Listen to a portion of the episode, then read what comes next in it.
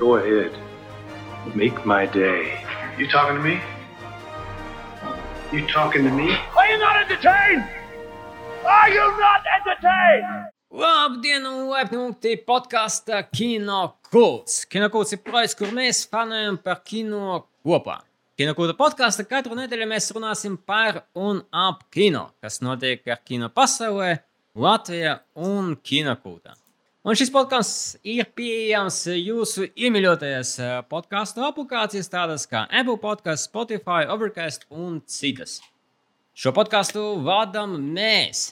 Es, Sergejs Masādovs, Kinokūtas saprata balss un uh, regulārs Sergeja mediātors Līvas Pandega. Čau! Un Mēla Gibsonas filmogrāfs Sergejs Timonins. Čau! Es biju domājis, ka tu atbildēsi kaut ko antisemitisku. Nē, man ar to nav problēmas. Jā, nevajag, nevajag.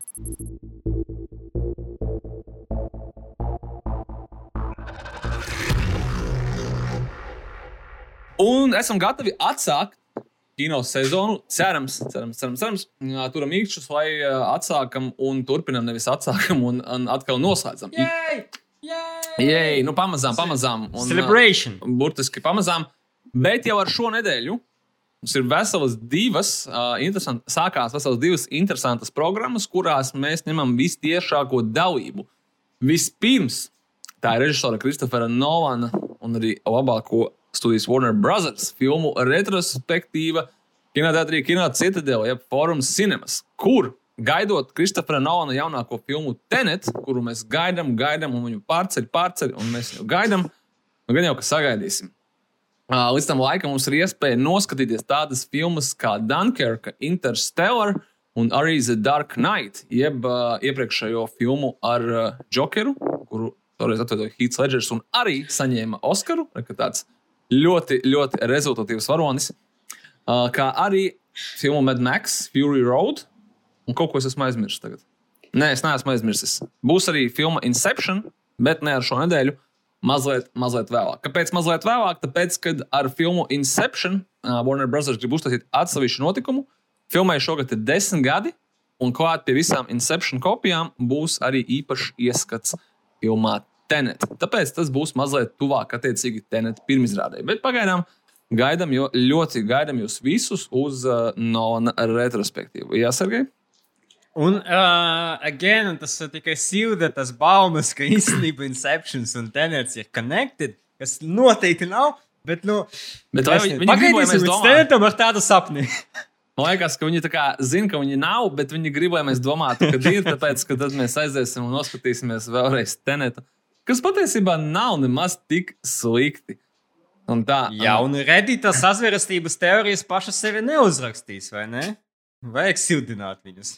Labā ziņa ir tāda, ka, ja jūs esat, vai ja jūs pēkšņi nesat, nu, no judging, redzējuši kādu no minētajām filmām, tad kinotētas kino citadela rādīs viņas visas ekskluzīvi aizsens zālē, ievērojot visus nepieciešamos drošības pasākumus. Nu, būs tāda ļoti ekskluzīva skatīšanās. Nu, tas ir vienkārši. Tur nav, nav variantu vienkārši jāiet tas viss skatīties, tāpēc, ka nu, ne, diez, vai, diez vai otro reizi tāda situācija būs. Un, Nā, būs iespēja redzēt šīs filmas vismaz šajā zālē noteikti. Un, un, ja, ja, ne, ja, Bet- nu, nezinu, uz... man piedod. jā, jā, jā.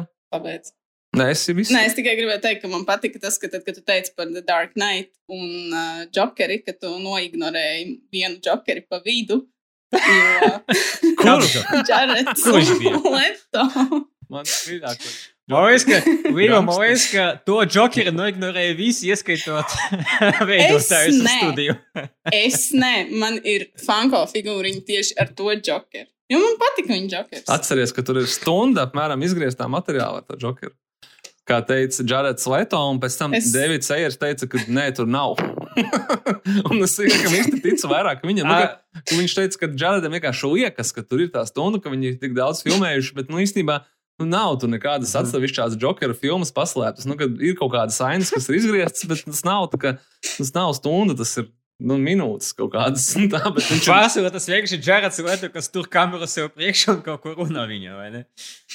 Bet, uh, kā Līvā, uz tas uh, fanku paciņas gadījumā nebija rakstīts, ka um, I've seen Suicide Squad and the best thing I, I took from it is this Funko Pop. Man liekas, ka nē. Gan jau varbūt, varbūt atrast. pierastīt. varbūt es, es domāju, es, es, es tam, jā, tam džokaru, es biju at, tie- tiešām piemirsis. Man kaut kā likās, tā kā Ledgers un tad uh, Phoenix un, uh, un viss. Bet uh, es tam iepriekšējiem džokaram dodu piecas balvas par centību un daudz mazāk par izpildījumu.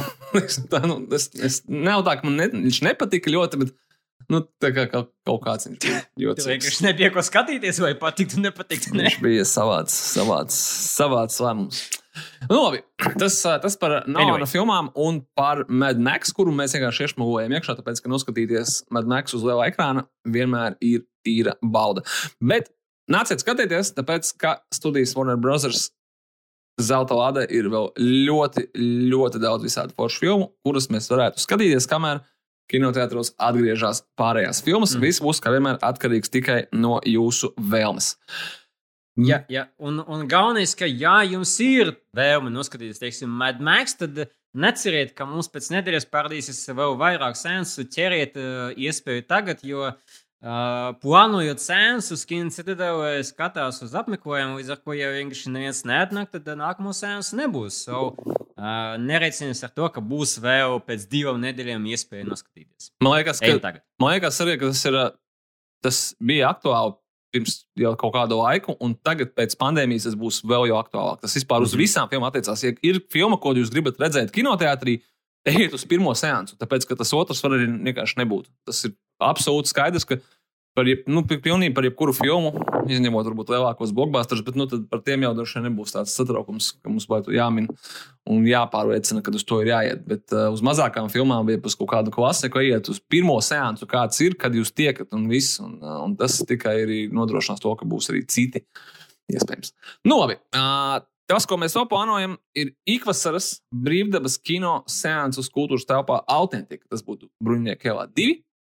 Un uh, kopā ar ASV vēstniecību, kurai liels paldies un kuru laipni mums piedāvā pašas, pašas foršākās un labākās filmas no ASV kino industrijas zelta fonda.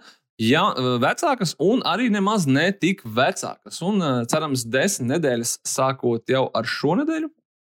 Cerams, ka, kad jūs šo klausāties, mums sēdes ir noticis. Bet, kā mēs zinām, brīvdabas seansiem viss kaut kas var notikt. Tā skatā, piemēram, lietus. Bet tas nemaina faktu, ka viņi ir plānoti un visticamākais viss notiks.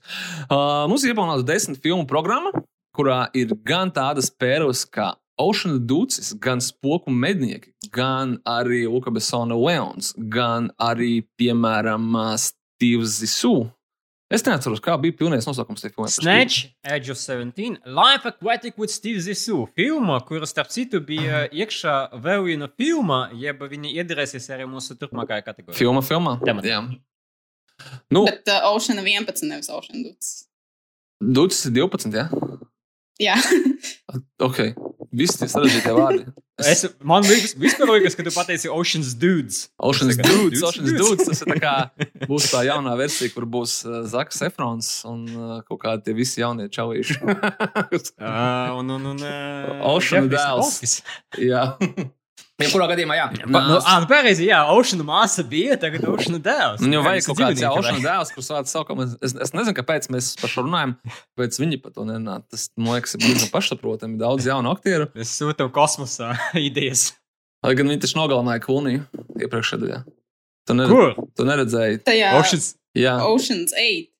Oh, liekas, nopietni! bet nu, zini, Jā. kā viņi jau, kā, kā, kā mēs jau esam redzējuši, ka Nu, tas off-screenā. nevien, nu, visu Nē, nē, nē, nē, nē. Ai, jūs, nē, tas noteikti ir inscenācija. inscenācija Jā, jā, tā jau īstenībā viņš ir, jā. speciāli. Tas tā ir, tā. Jā, uh, sekojiet mums vai arī autentikas sociālā tīkla profiliem. Un sekojiet līdzi, un nāciet. Atceramies, ka šie seansi ir bez maksas, pateicoties ASV vēstniecībai. Vienīgais, ko nevar ņemt līdzi, ir sava pārtika un dzērieni. Mēs pārbaudīsim. Bet var paņemt līdzi katram gadījumam savu pledu, ko mēs eh, noteikti iesakām. Ir īpaši, ja laiks eh, plānojas augsts, vai lai uh, visu sēnesi izbaudītu siltumā. Vai kaut kādas dāvanas mums varbūt arī. Tas to var. Nu, to var pat negaidīt sēnes, vienkārši sūtīt savu. Lai gan es nezinu, vai es tagad vienmēr baidos, ka man kāds kaut ko dāvina. Es domāju, ka probably kaut kas saindēts. Sā ļoti uzmanīgi. S- Tā ir, ka dažreiz, kad dāvina kaut kāds kūks, tad konfekts, es tā kā vienmēr nenormāli priecājos un apkāpju tos cilvēkus, un pēc tam es dodu citiem to ēst. es tā kā pats nekad neēdu, man liekas, ka vienu pēkšņi man Kas man atgādina, vai tu vai noindēt. mums dāvana, Sergei, man ir viena pudele stāv tev vajag atdot. Vajag. Jo Mūsu alkohola dāvanas tiek novirzītas Sergei. Tas savukārt tā kā vienmēr notestēju pats sākumā. Parasti ar to arī viss vai? Jā. Notestēšu, glik, glik, glik. Nu, pietiks ar jokiem, kas mums vēl ir no ziņām, Līva. Uh, turpinās uh, viena franšīze, kuras galu, man liekas, mēs kādu laiku, iespējams, daudz jau gaidām, bet viņi tur vēl turpina spirināties, un tie ir Karību jūras pirāti. Turklāt viņi spirinās, izrādās, vairākos virzienos. Uh, mēs jau zinājām, ka uh, plānā ir filma, ko veidos uh, Tets Eliots un Kreks Meizins. Bet tagad ir izziņots arī vēl viens projekts, kas būs par dāmām pirātēm ar Margo Robiju galvenajā lomā. Margo Robija ir šim projektam pasaules palīgā scenārija autora Kristīna Hotsone, ar kuru viņa jau iepriekš sadarbojās pie Birds of Prey un ar diezgan labiem panākumiem, vismaz tādā atsauksmju, atsauksmju ziņā, ja varbūt ne tik ļoti finansiālā ziņā. Kristīna Hotsone ir arī sarakstījusi Bumblebee, jeb vienu no retajām sakarīgajām Transformeru filmām. Un uh, tad šī uh, komanda, uh, Robijs un Hudsons uh, veidolā, strādās pie jauna Karību jūras pirātu spin-offa. Tas it kā nebūs saistīts ar uh, iepriekšējām filmām un uh, koncentrēšoties tieši uz dāmām. Bet tikmēr uh, Ted Elliot un Craig Mazin jau minētais darbs arī turpinoties. Pagaidām neko ļoti daudz par to gan arī nezinām, kas tur un kā notiksies, bet šādi divi spin-offi ir plānā. Nu, es nezinu, Atgādināsi, ko- atgādināsi, lūdzu, ko vēl darīja Kreigs Meizens. Uh, viņam bija Černobiļa, vai ne? Un hangover. Nu, nu, tā, arī, jā. tā kaut kā. Jā. Neaizmirsīsim, ja šito. Un amerikāņu Bija Černobiļa. Amerikāņu hangover. šeit. Laikam kaut kāds viens no, vai, vai arī viens. Nu, tagad viņš ir pieprasīts, vai ne? Sergei, tagad visas video spēles viņš taisīs. Pareizi saprotu. Jā, jā, tur bija interesanti, ka viņš tam Borderlands rakstīs ar, ar šito te. Uh, Keitu Blanchetu un arī uh, Last of Us viņš te veidos. Tā kā, nu, nē, nu, skaidrs, ka cilvēks vienkārši trāpīs Nu. kaut kur vienā brīdī veiksmīgi un tad uh, ļoti pieprasīts. cilvēks viņš ir aizņemts. Nu, redzēs, kā viņiem ies, vai viņiem tiešām sanāks šie abi spin-offi, vai tas būs tāds zvaigžņu kara variants, kur viņi ik pa laikam kaut ko izziņo tikai un tad kaut kur pazūd kaut kas. Jo, nu, tā, Bet Ka, kādēļ tāds heits pret uh, Karību jūras pirātiem? Es teiksim, nejūtu. ka- Man liekas, nu, man personīgi tā pēdējā filma nogalināja kādu kaut kādu labticību, kas man vēl bija palikusi. Pirmās trīs filmas ir Poršas, ceturto es vispār neatceros. Divas pusfilmas ir pašas, jā. i- Nu, es pat teiktu, visas trīs. Man tās Nē, visas Viņas trīs ir visas ļoti labas. Bet tā pēdējā bija, nu, tā, ka neīsti. Bet, zināmā mērā, man liekas, tagad tieši aizdomājos, kas ir tajā pēdējā uh, bija galvenā vaina, ka viņi tāds. Uh, Kā lai pasakā, tāds neveikls. Es nezinu, vai tā kā skaists, kā Džonijs Deps arī ir tas, kas izvilka tās pirmās trīs filmas nosacīti. Mēs nevaram teikt, ka viņš ir tā kā, ai, nu, ķipa, bez viņa ir tas pats būtu. Nu, nebūtu galīgi tas pats. Vienkārši piektās. Nē, nē, absolūti. Jā. Viņš ir uh, superīgs supporting character. Problēma ir, kad viņi ielika pa galveno. Ceturtās un piektās filmas problēmas, es domāju, abām šīm filmām ir pilnīgi vienāds, kad uh, vienīgais mērķis ir, vai jūs varat uztaisīt vot vēl vienu reizi tieši to pašu, tādā pašā veidā. Un ceturtajā daļā tas vēl kaut kā sanāca, bet es domāju, ka tas eh, nevis sanāca, man teiksim, nepatīk ļoti. Ceturtā man šeit viņa ļoti ne nevarīga filma, bet uh, viņai ir miljards dolāru. Ieņēmumi un cilvēki vienkārši jau pēc inerces aizgāja. Viņi gribēja vēl pirātus, un viņi varbūt, jo gan man liekas, ka pēc pirmajām trim daļām Viņas ir otrā un īpaši trešā, ir tik milzīgas, ka tu skatoties, viņas beigās vienkārši nogurst. Tur tik daudz kas notiek, un ka, kā, ok, enough, mm -hmm. viss kārtībā, pietiek. Nu, vienkārši tev pietiek, tu esi paēdis. Ceturto vēl pēc inerces, un piektā jau tā, bet viņi vienkārši paņēma, un vēl vienu reizi ir tieši tas pats, lai ir tie paši depa joki, lai tās pašas atrakcijas, un skaidrs, ka tas, tas gan sāk ļoti apnikt, bet tā visa pati pa sevi pasaule. Es nezinu, es, es diezgan droši vien at, at, atklāt, atvērti skatos. Izņemot Bet... Gadījumu, ja būs jā, otrā šī ne, ne Robijas filma, būs vai paņemsim vēlreiz depu un vēlreiz kaut kādus cilvēkus, un viņu būvēsim vienkārši vēlreiz to pašu. Cilvēki gan jau vēlreiz aizies uz to pašu. Nu, meh. Bet uh, 4. un 5. man liekas, arī ļoti par sliktu nāca nu, vai drīzāk otrajai un trešajai par labu nāca tas, ka to, tās joprojām režisēja Gors Verbīnskis, kurš uh, viņam kaut kā izdodas vienmēr atrast vismaz kaut kādā akciju ziņā kaut ko ļoti interesantu. Jo, teiksim, tas pats The Lone Ranger, kas varbūt arī nav diezgan laba filma, bet tur ir teiksim, fantastisks tas setpīs ar vilcienu. Nu, viņš kaut kādu Yep. dzirkstelīti piešķir, kas tai 4. un 5. pietrūka, man liekas. Jo tur bija režisors Robs Maršals un, Un ceturtajā bija bija Norvēģi. nevarīga vispār, un piektajā, man liekas, vēl bija tie setpīsi, kur tu redzi, ka viņi cenšas imitēt Verbīnski, kur bija tās karātavas, man liekas. Nesenā. Jā, un beiga pats pati pēdējā aina ar tiem viļņiem, un pa jūru, kas pavērās, nu, ka viņi grib apzināti imitēt tādu tā kā trako vīziju, kas ir, vat vīzija, man liekas, tas, kas atšķir pirmās trīs daļas, ka tur ir, ir viena cilvēka vīzija, viņa nevienmēr strādā, un tās otrā un trešā daļa brīžiem ir tā kā bolted filmas, bet vismaz tur ir tāda vīzija, un jā, un tie trakie setpīsis, kas ir pilnīgi absolūti fantastiski arī mūsdienās. Un, un ceturtajā es vienkārši neatceros neko, kas tur bija. Tur bija Nāras, un tur bija Jeffrijs Rašs. Un... Man, man ja godīgi, man Penelope. tagad es tieši iegāju uz Wikipēdiju, lai apskatītos, par ko bija 4. un par ko bija 5. daļa, jo viņas tā kā jūk. Un, un jaunieši bija 4. Jaunieši 4. bija. Arī ja? piektajā bija jaunieši. Arī Bet citi Arī 5. jaunieši. Tur- tur bija, man liekas, citi- jaunieši. Ja? Bet kuram tad viņi interesēja? Visi jau grib tikai kapteini. nopietni. Oh. Ceturtajā bija labs tas setpīs. Tas ir vienīgais, man liekas, ko es vispār atceros no filmas ar to mājas vilkšanu, kas bija pašā sākumā. Londonā? Kas bija? Tu nejauc ar Fitzka raudu? Nē, nē, nē, kur viņu tā kā visu māju velk pa ielu. Jā, jā, jā. Nu, viņš beiga pa Londonas ielām. Resti, ja mums ir grūti jau vispār atcerēties, kas kurā filmā notika, teiksim, par otro un trešo man nebūtu īpaši šaubu, jo tās es ļoti labi zinu, bet man liekas, tas jau kaut ko Mhm. liecina, ka mēs neatšķiram vairs, kas tur A, kas bija Launderis 4. es arī domāju? Tur nebija. Ah, Jan Makšēn bija. Jā, jā Jans Makšēns. Pareizi. Un piektajā bija Bardēms. Bija arī tās The Aged Johnny's Depps vienkārši tāpēc, ka tas bija tajā brīdī aktuāli. Bardēns uz 5. Jā, jā. Jā. To es atceros apmēram. Nu, labi. Nu, labi. Wow.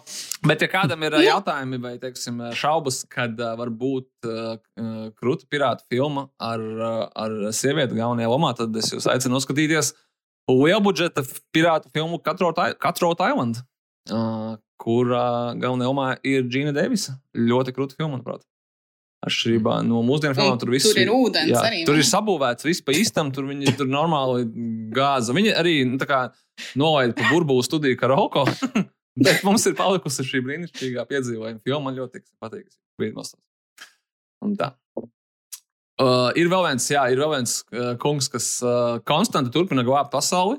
Tas ir viens cits kā Gerārds Butlers, kurš ir ieņēmis šo te uh, Brūsa Vilis lomu mūsdienu kinā, vai arī pat Vai arī pat uh, Jasona Stethama lomu, tāpēc, ka Stethemam kādreiz bija tik daudz filmu, un tagad viņš man šeit vai nu atpūšās, ja arī viņš kaut kādās mazākās lomās tēlo vai ko. Nu, viņš nav, viņš vairs nav tāds uh, cilvēks fabrika, kas taisa vienu filmu pēc otras. Nē, nu, Robertam ir tā teorija, jā, ka ot, uh, Fast and Furious filmas tagad aizņem visu steitamu laiku, un steitam nepietiek laika būt steitam. Nē, īstenībā, zin kā tur bija. Tiešām. Tur bija kaut kāds, es lasīju uh, insightu par to, ka, jā, ka tie- tieši tā, kad viņu pasaules savus Fast and Furious, man liekas, ka viņš bija septītajā. Pareizi, viņš bija galvenais ļaundars.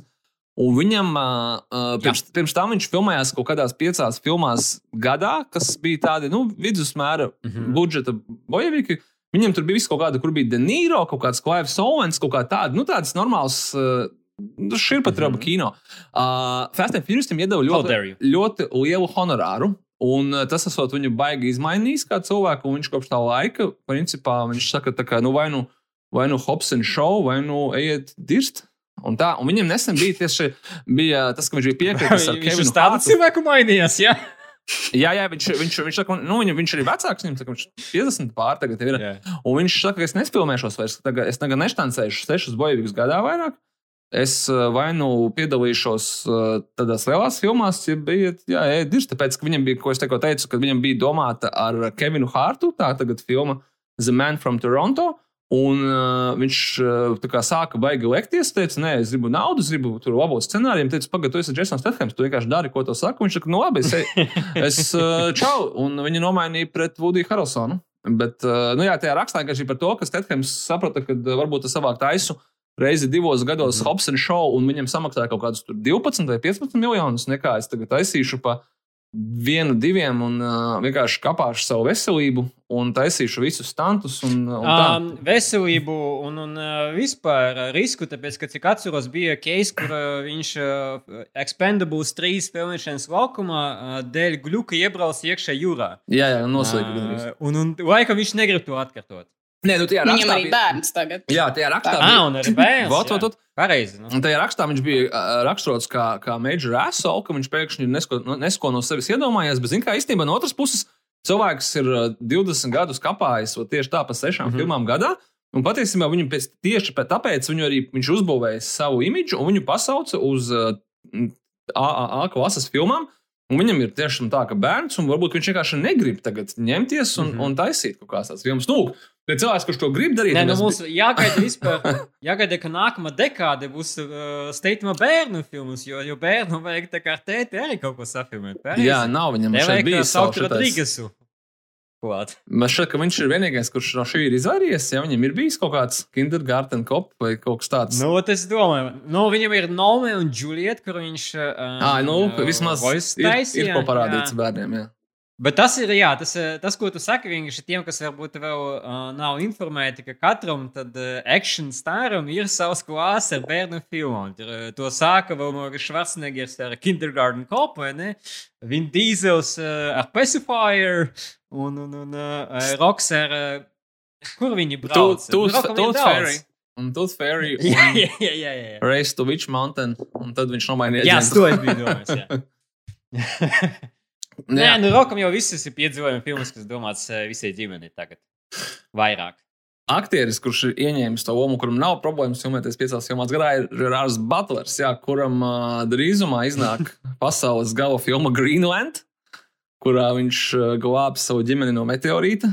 Bet īstenībā ir vienkārši. Piedod, bet tu vari lūdzu sīkāk izstāstīt, jo tas sižets ir tik ļoti labs. Nu, uz Zemes krīt meteorīts, un viņš bēg no viņa prom uz Grenlandi. Viss.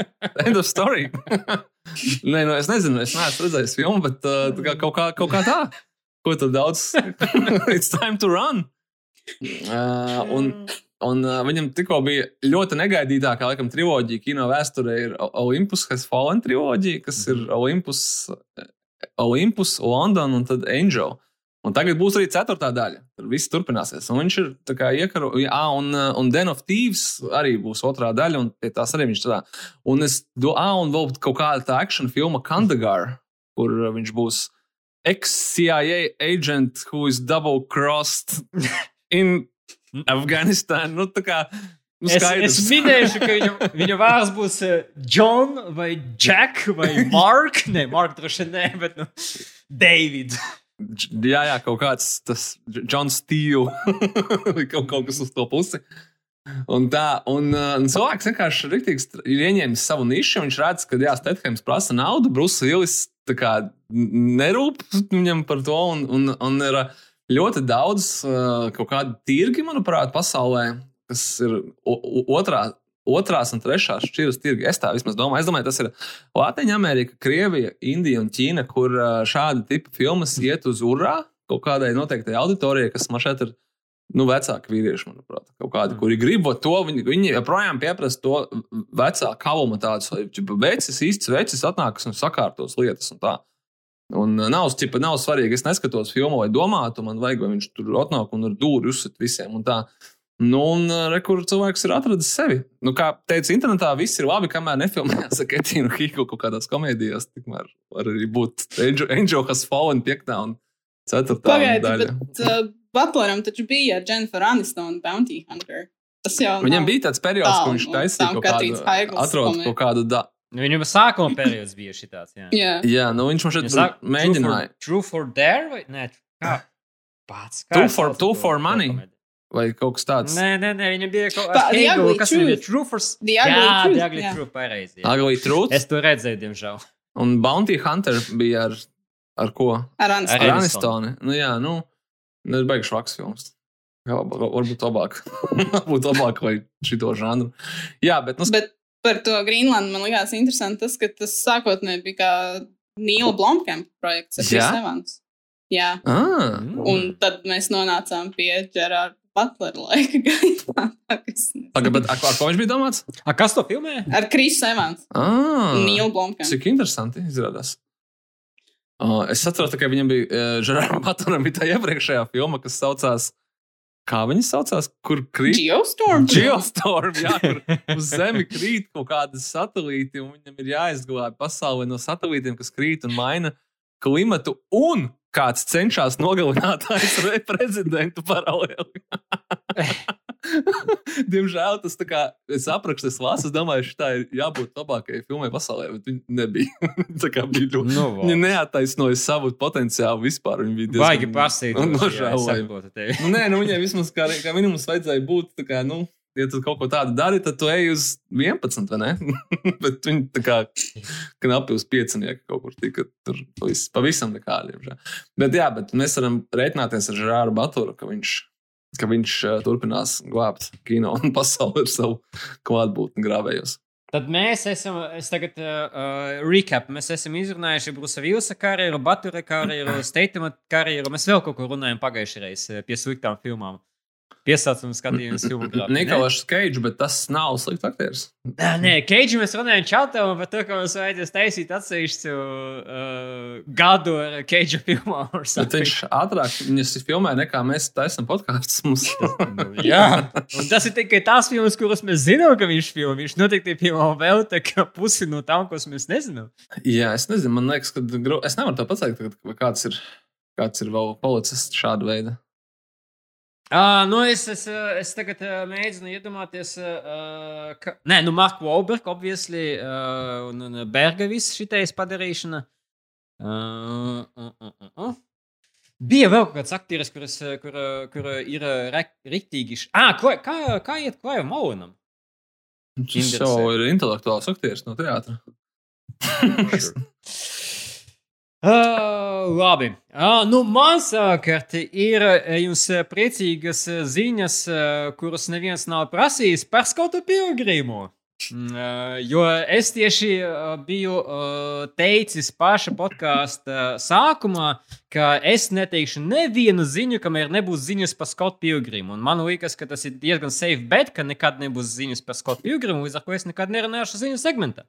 Well, Uh, ir desmit gada jubileja Skotam Pilgrimam, un īstenībā arī zīmīga mums, uh, tāpēc ka uh, Skota Pilgrima sēns bija tā teikt prototyps uh, uh, pirms uh, kinoblogeru un tad kinokulta sēnsiem. Uh, un tur arī bija prezentācija, un tur arī bija fani, kuri skatījās filmu, jo nezināja, vai tā filma vispār parādīsies Latvijā neparādīsies. Uh, līdz ar to tas bija tāds uh, tests uh, desmitajā gadā. Nu, un pēc desmit gadiem Entertainment Weekly sarakstīja The Oral History of Scott Pilgrim, jo tā fanu bāze joprojām ir stipra, un, un uh, Kris Evans pat uh, uh, saka, ka šī fanu bāze ir tikpat kaislīga kā Marvel. Uh, es tam ticu, Scottam Pilgrimam ir uh, daudz fanu gan filmai, gan komiksam.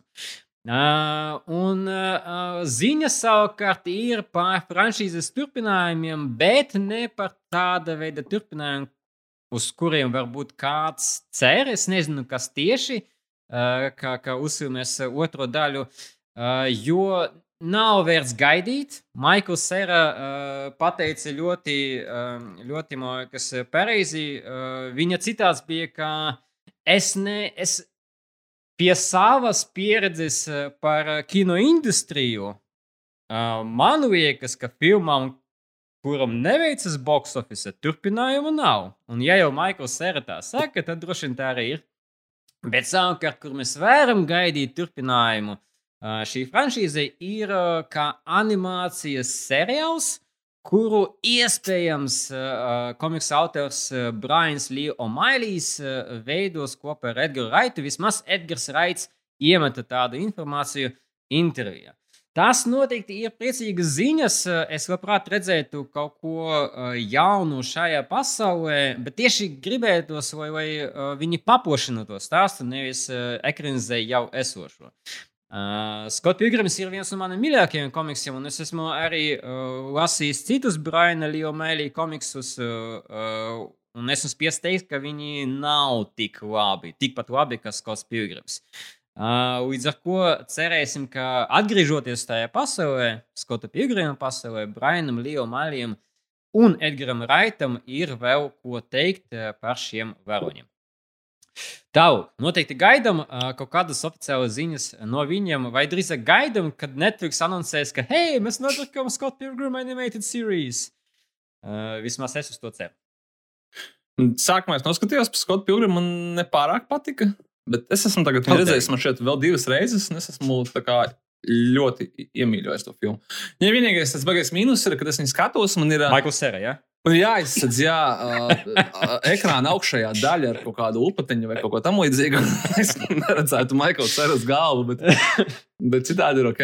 Uh, es tagad saprotu, ka Nē, es, es, es, gaidu, es gaidu, ka deepfake būs uh, attīstījies un es varēšu nomainīt viņu pret, nezinu, Sergeju Musato kaut vai tas būtu jebko. Nē, nē, nē. zini, es, es tev teikšu šādi. Man, mans īsais review par uh, Skotu Pilgrimu. Ka Skota Pilgrima ie- iekšā jau ir īstenībā uh, aktieris, kas varētu atveidot Skota Pilgrima lomu, un tas ir Josh Hutchersons. Uh, kas uh, spēlē. viņš ir ok. Kas spēlē. Shit. Uh, Nīlu. Young Nīlu. Uh, un, un, un uh, kad parādījās castinga ziņas, man arī liekas, tā, ka Maikls Sēras spēlē Skotu Pilgrimu. Doesn't make much sense. Bet noskatoties filmu, man liekas, uh, ir pareizs castings, jo um, kaut arī Skots Pilgrims pats uzskata sevi par ģeniālu bass-ģitaristu un vispār spico džeku, tā ir Skota Pilgrima iedoma pasaule. Un īstenībā Skots Pilgrims ir Maikls Sera. Nē, nē, es, es, tas, jā, tas Entertainment Weekly raksts, ko mēs esam arī šērojuši savā, savā Facebookā, noteikti izlasīt ļoti, ļoti apsturu. Tieši tā, ka ā, gan Brians Lielmēlis, gan arī mm, Edgars Raits to pa- paskaidroja, kāpēc. Skaidrs, ka, nu, Skots Pilgrims viņš mudaks ir kaut kādā ziņā. Bet, bet viņam nav jāizskatās pēc mudaka. es saprotu, jau, ka tas varonis ir mudaks. Līdz ar to, jā, nu, nu, labi, es saprotu Maiklu Seru, bet man liekas, ka tur ir kaut kāds, kaut kāds bija moments, kur tajā brīdī Maikls Sera bija ļoti karsts un visās komēdijās, un tāpēc viņš tika paņemts. Un, uh, varbūt varēja iet ar kaut Nē, kādu nu, nē. Es redzēju, ka Līva ignorē ar, ar žestu, nu, nu, tā kā no vienas puses raujot galvu. Nē, nu bija Maikls Sera hot. Pēc Superbad viņa bija strīka, kur. uh, Jā, jā, viņš bija visās, četri, viņš bija ļoti gadi. daudzos uh, komēdiju kā, projektos. Viņš bija tā kā tas nu, de default kaut kāds dude, kurš ir. Uh, un tad viņš beidzās vienā brīdī. Es pat ne, es nepamanīju, kurā brīdī viņš beidzās. Jā, atnāca. Bet, uh, es nezinu, Aizenbergs pārāk intelektuāls lai Gan arī, protams, Dušbergs izskatās pēc Dušberga. Bet... nu, labi, es domāju, ka neveltīsim uh, alternatīvo fanu castingu Skotam Jā, Pilgrimam. ja mums būs jārunā par Vilu Feru un uh, jātiek līdz tam pareizi. Jā, tieši tā. Pataupīsim indi.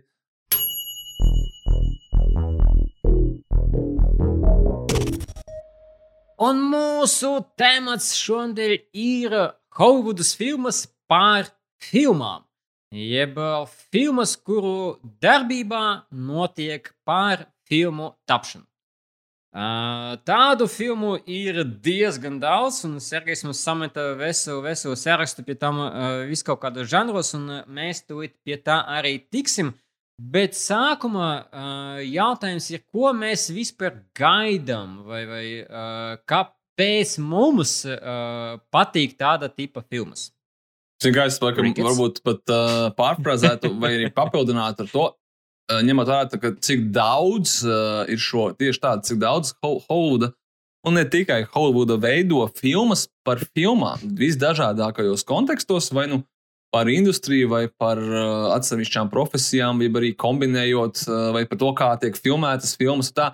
Man ir radās jautājums, kāpēc viņi, ka, ka- kas ir tas iemesls, kāpēc viņi paši ir tik ļoti fascinēti ar to, ko viņi, nu, kā, ko viņi dara, ka viņi vienkārši būtībā dzied slavas dziesmas lielākoties visu laiku paši. Sai, nu, kā, tas nav slikti, tas vienkārši jautājums, jā, kāpēc, kāpēc tāda Oskari. fascinācija ar, fascinācija pašiem ar savu arodu kaut kādā ziņā. Un, kad, nu, tas, Nu, tas, Katram tad- jau liekas, ka Mogs, bet Mogs, ka tu jau visu atbildēji.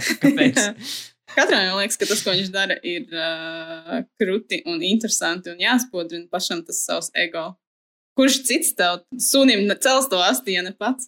Un aktierim, kuram šī ir kā darba CV, ka tev jābūt interesantam un spožākajam, tad nu, skaidrs, ka viņam tas ego kaut kā jābusto. Bet, zini, kā te ir arī jautājums, vai, vai versija tāda, ka, teiksim, viena no filmām ir Barton Fink, kurus mēs ar, par kuru mēs esam runājuši šī mēneša sākumā, par cik koini bija un ir vēl Watchus Terminator topiks. Un, un te ir arī tāds punkts, ka vienmēr scenārijos scenāristiem iesaka raksti par to, ko tu zini. Un tad viņi arī raksta par to, ko viņi zina par filmām. Bet, uh, jā, un, un interesanti, ka scenāristi, es tagad domāju, scenāristi un režisori, iespējams, arī aktieri, bet, zināmā mērā, nu, filmu par aktieru, tas man šeit, jā, tur, kā, tur ir tik ļoti daudz piemēru, ka mums nācās baigi filtrēt ārā. Man liekas, varbūt vienkārši ir skaidrs, ka filmas par režisoriem.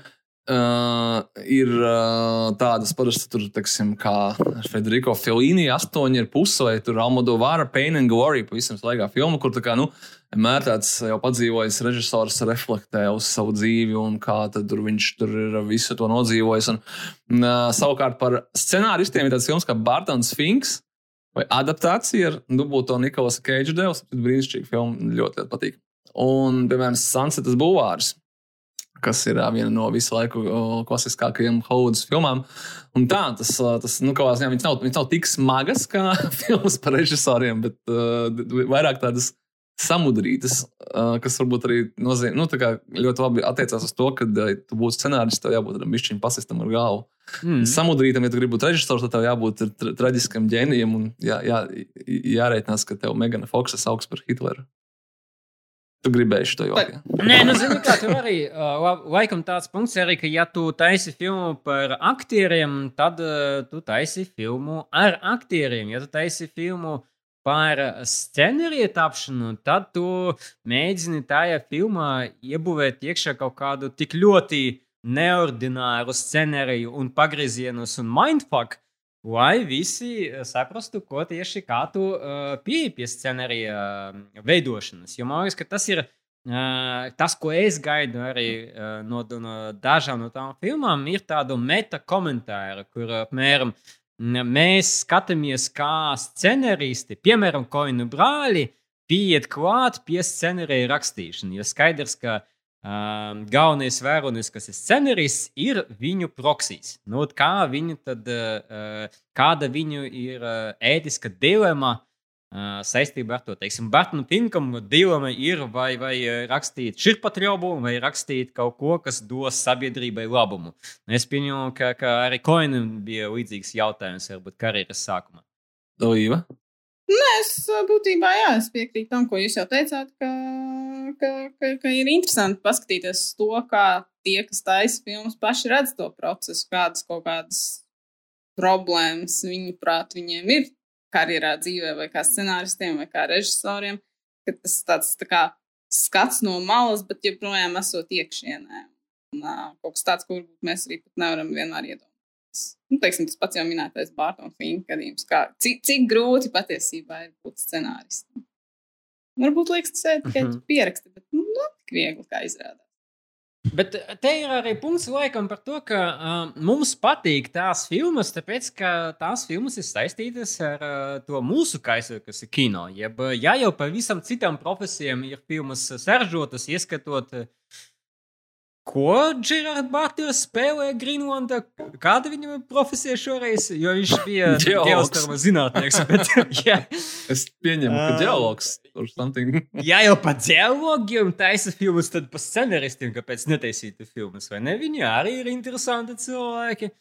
Uh, so, uh, tāda veida filmas vienmēr arī ir iedvesmojušas. Uh, tu noskaties filmu, kur uh, veido filmas, un tev pašam sagribējas arī uztaisīt.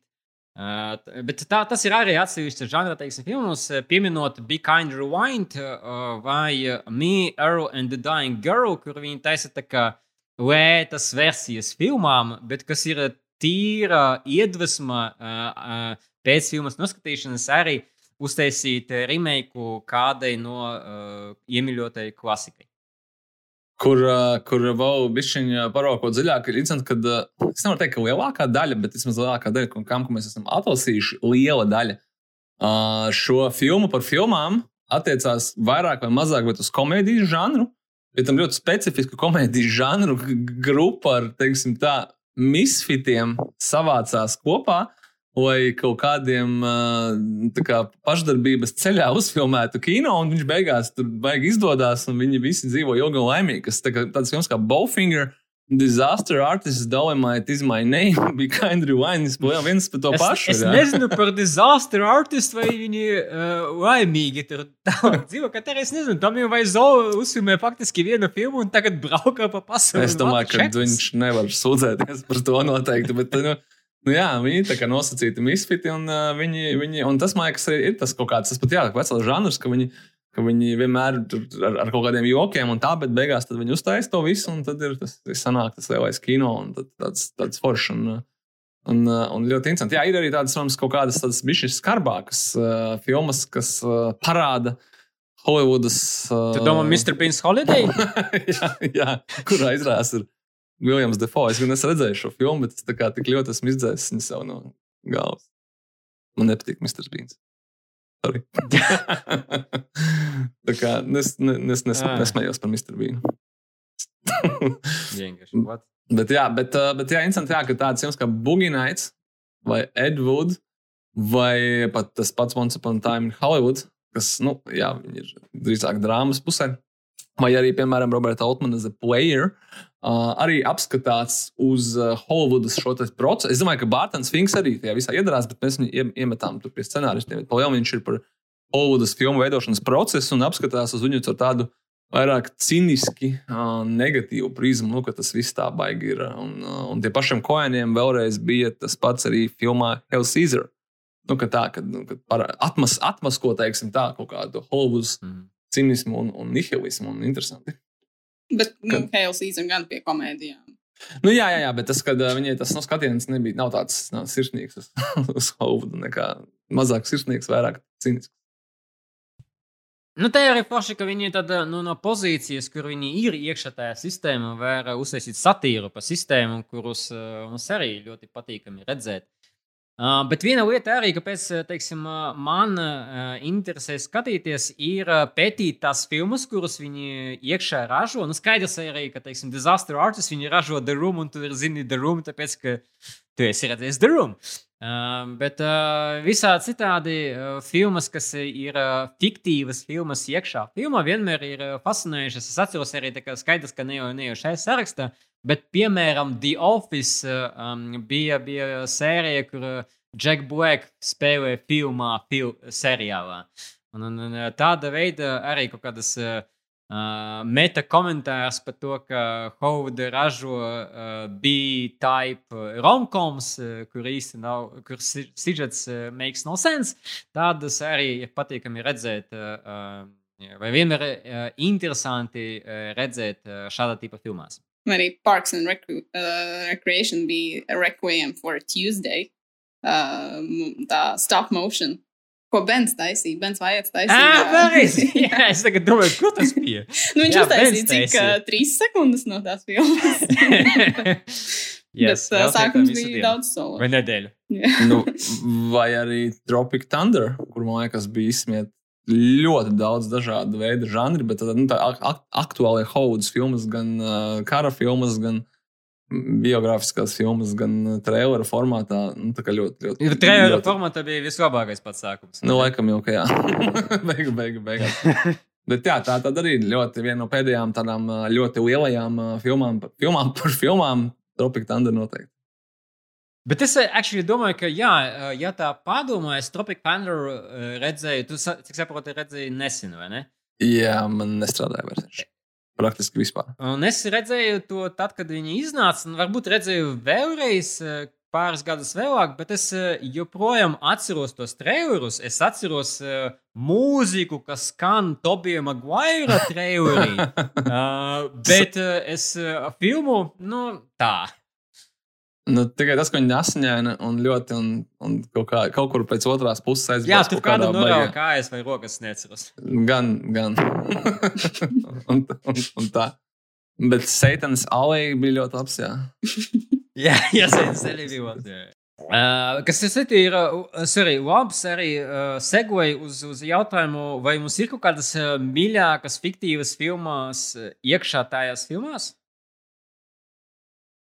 Uh, es atceros, tas uh, tā fiktīvā filma tagad nav filmā par filmu, bet uh, kas man vienmēr ļoti patika, bija uh, Joseph Gordon-Levitt filmā Don John.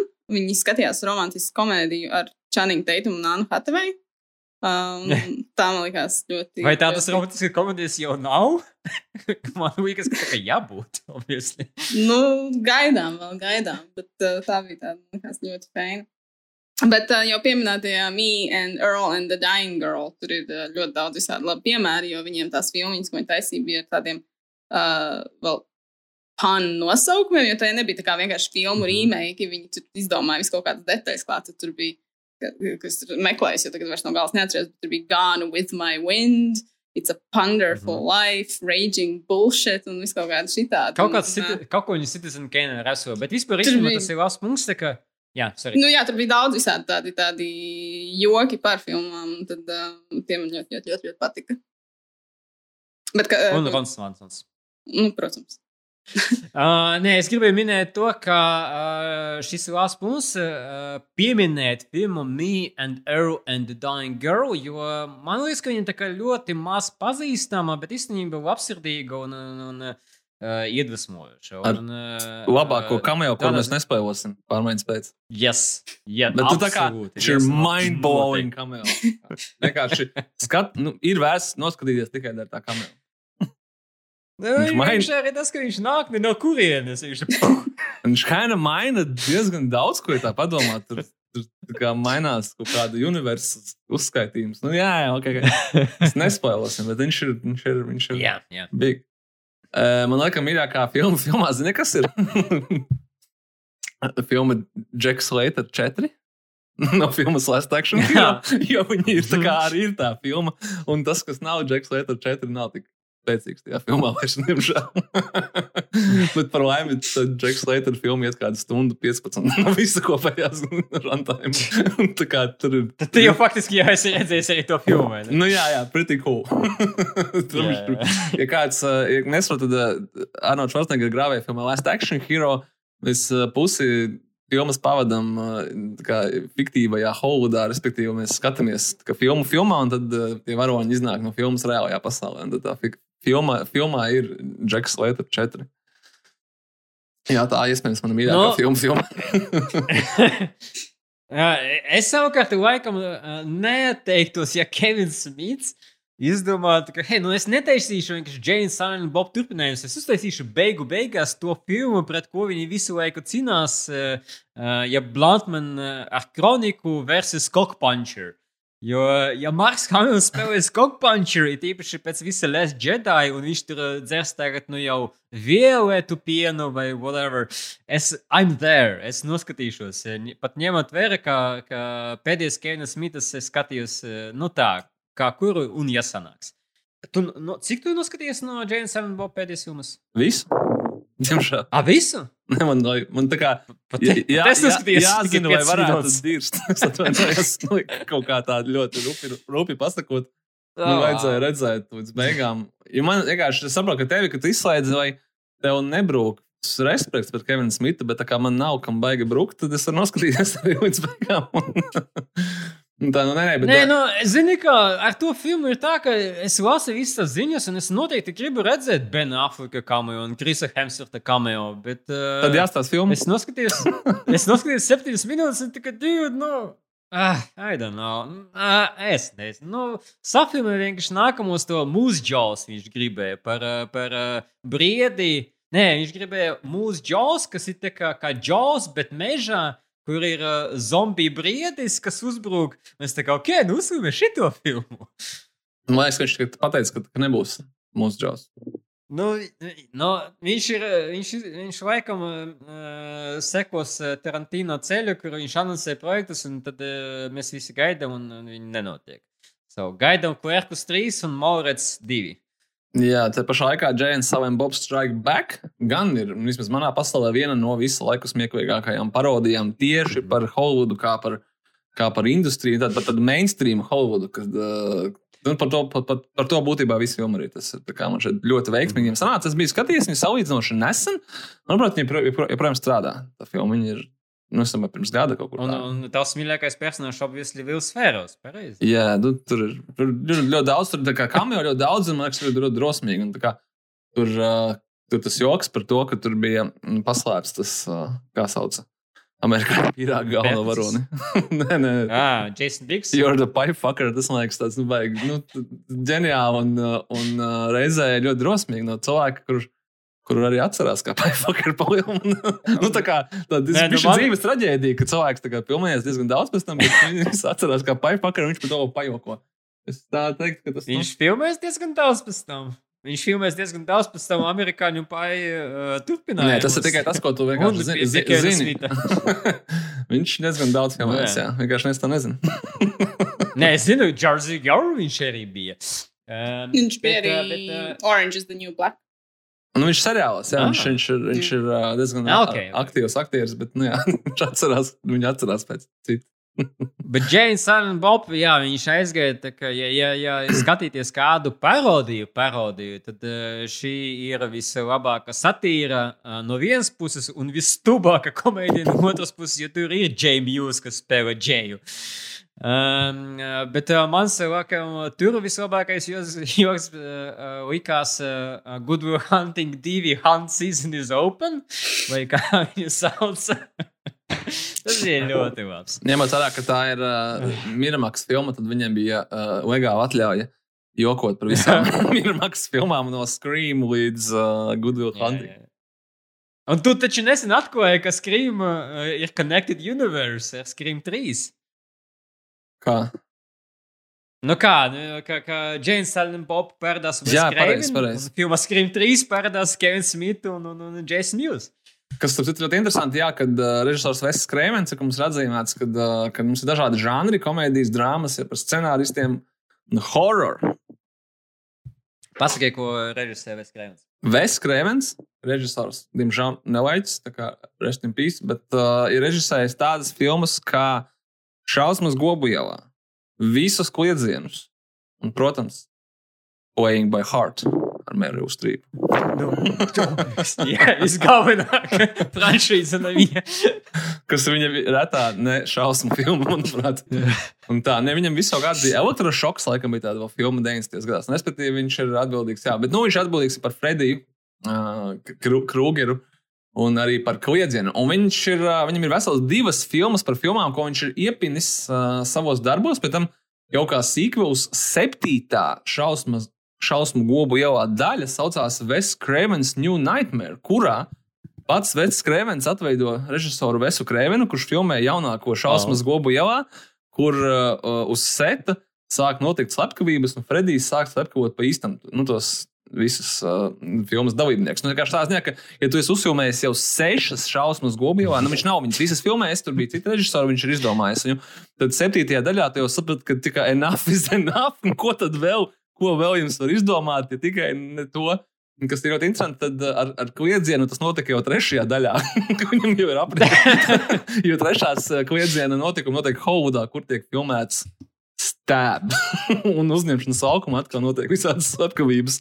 Un tur Krēvens saprata, ka negaidīsim septiņas daļas.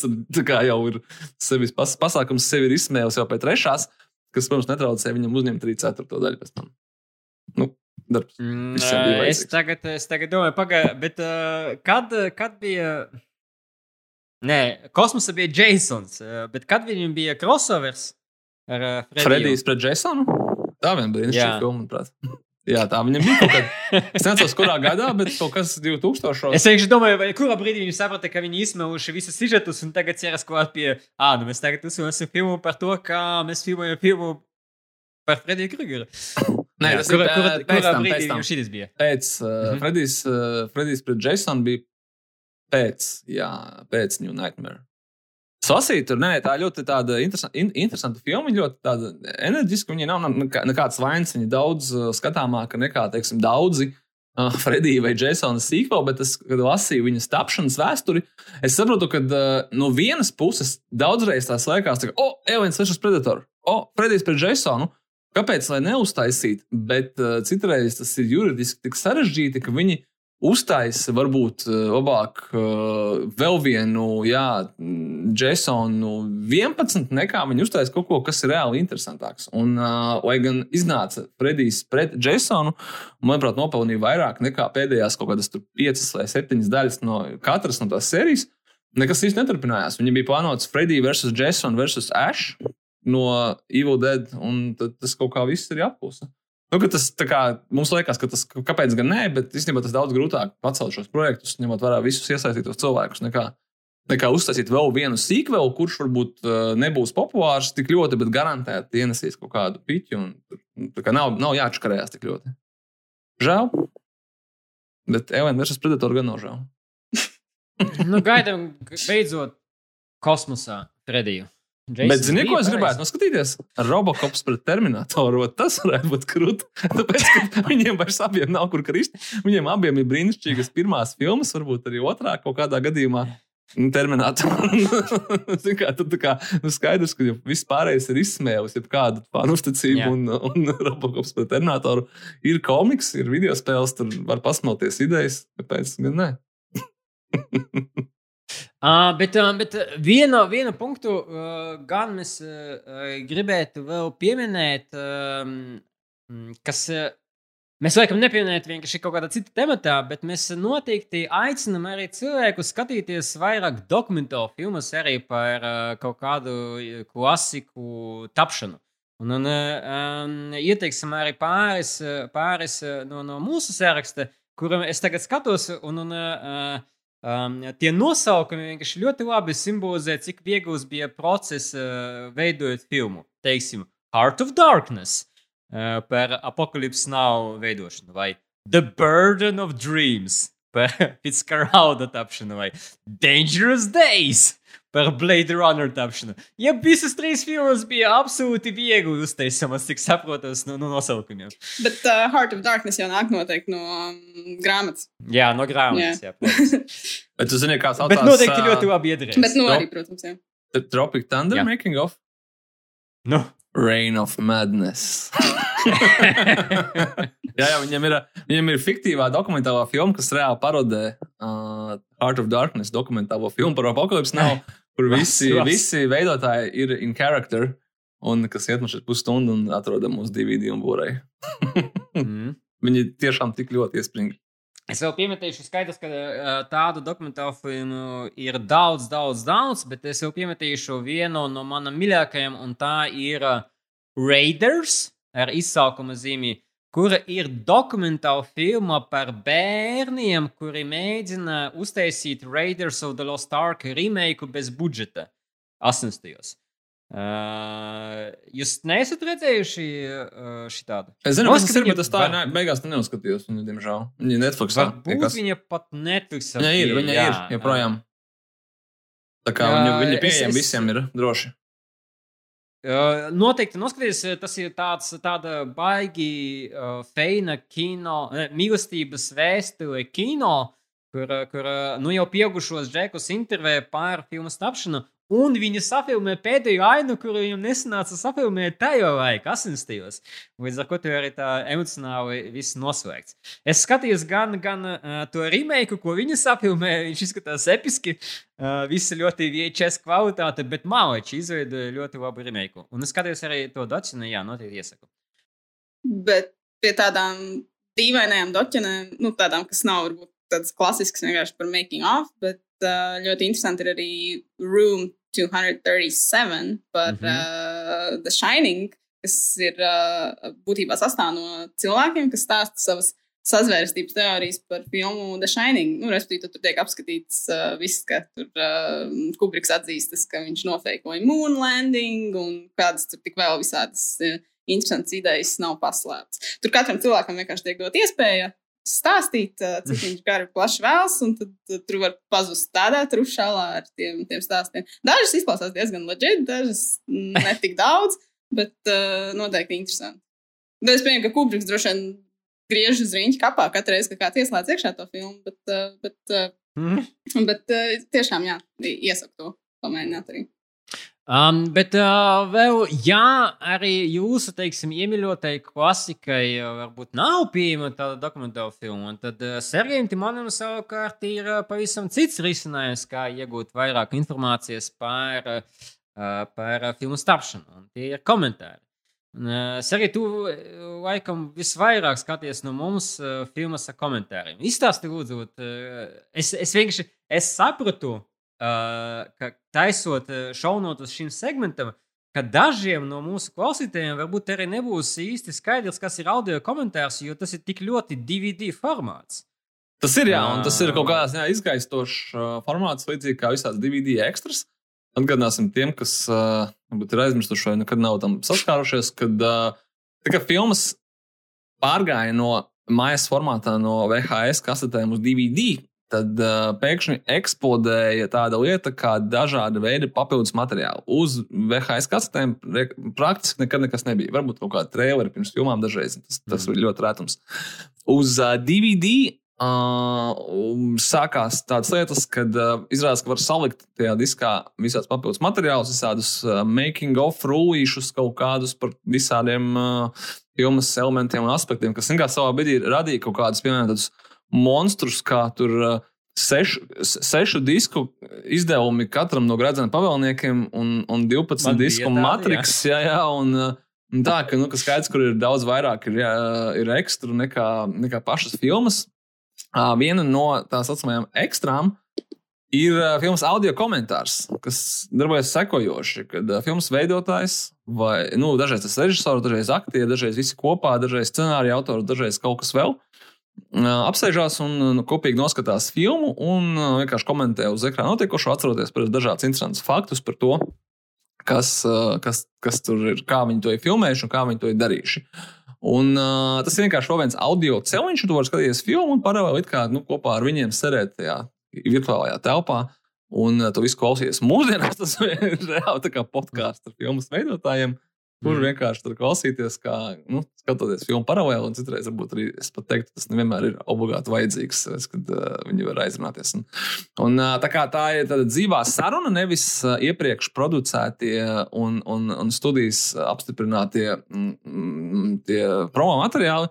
Dažreiz da gadās rīktīgi krūtis spēles, teiksim, ar tiem audio komentāriem, un es arī tagad skatoties, citreiz mēģinu uh, Mēģināt, ko atrast internetā, kaut kur var dabūt kaut ko, vai tomēr kaut kādā veidā pieaugt klāt, tāpēc, ka tas ir ārkārtīgi, ārkārtīgi interesanti vienkārši dzirdēt.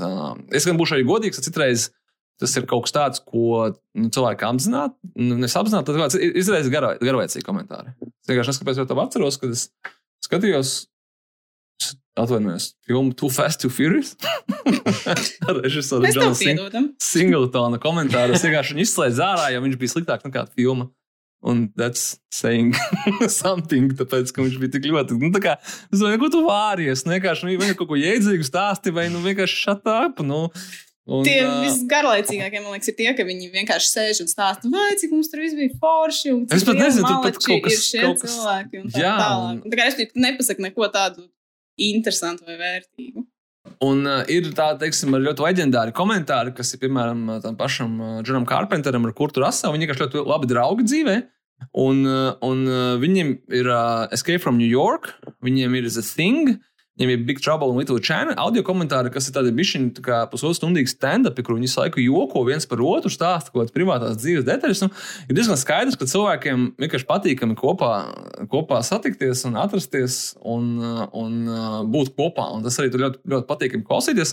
Vēl bija brīnišķīgs audio komentārs tieši tādā pašā stilā bija Arnoldam Švastēgeram un Paulam Merhovenam uz Total Recall.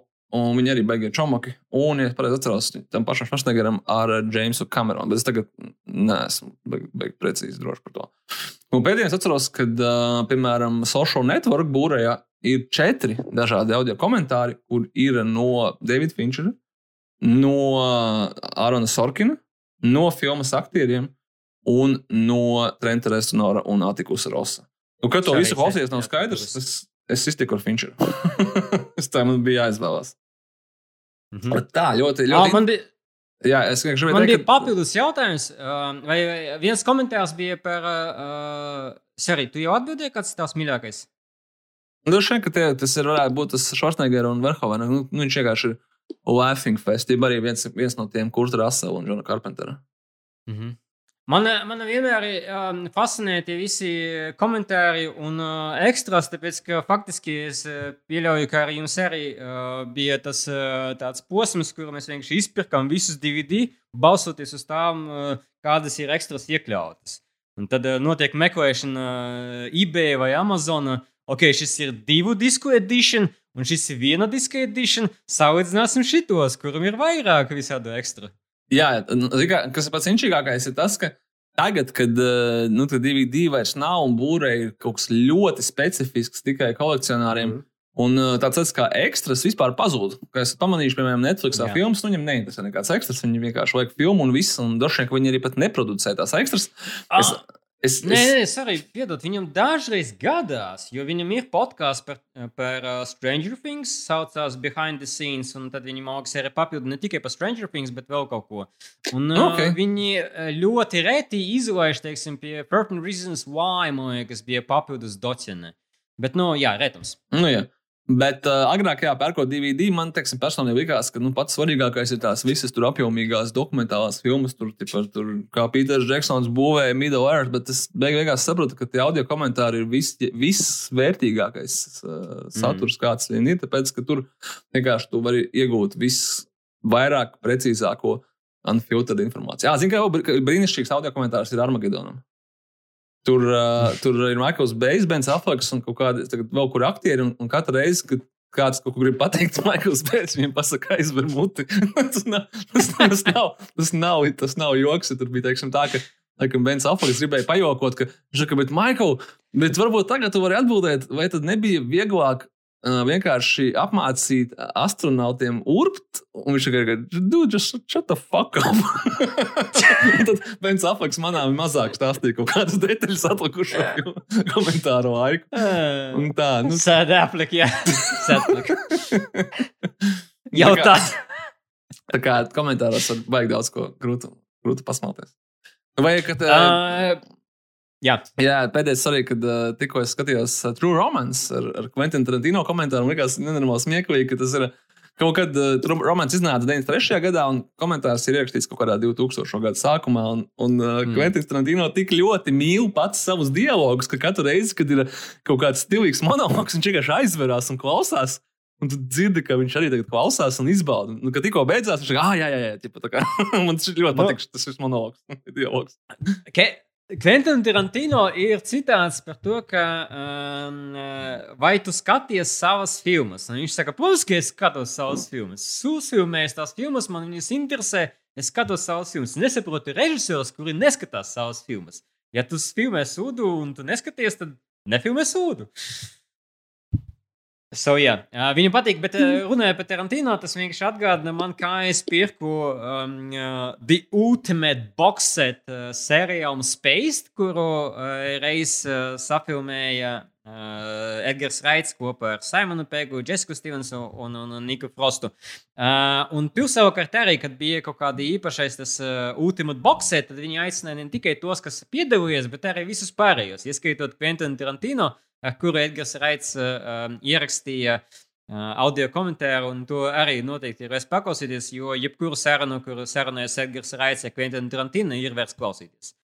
Nu, tad uh, pati pēdējā kategorija pēc visām, ko mēs, bija, ko mēs nosaucām, ir uh, Oskarotās filmas. Ir tāds filmas kā Argo vai The Artist, kas ļoti pierāda to, ka filmēt filmas par kino ir ne tikai aizraujoši, jautri un nostalģiski, bet arī ļoti, ļoti izdevīgi. Nu, vai arī, kā teica Sergio Extras, uh, cits, uh, cita versija ir safilmēt filmu par holokaustu. Tad tev arī iedos Oskars. Tas bija ieteikums, ko Džervejs teica um, Keite, Keitas Vinsutas personāžam, uh, kuru spēlēja Keitu Vinsutu. Um, un, un, un, well, guess what? Pēc pāris gadiem viņa dabūja Oskaru par The Reader. Uh, kas ir par holokaustu? So viņa paņēma to padomu un dabūja Oskaru, ko es saku. Bet šis arī tas īstenībā ir labs punkts, kā ekstras. Ja kāds nav redzējis seriālu ekstras par filmu tapšanu, ļoti labs seriāls, ļoti smieklīgs.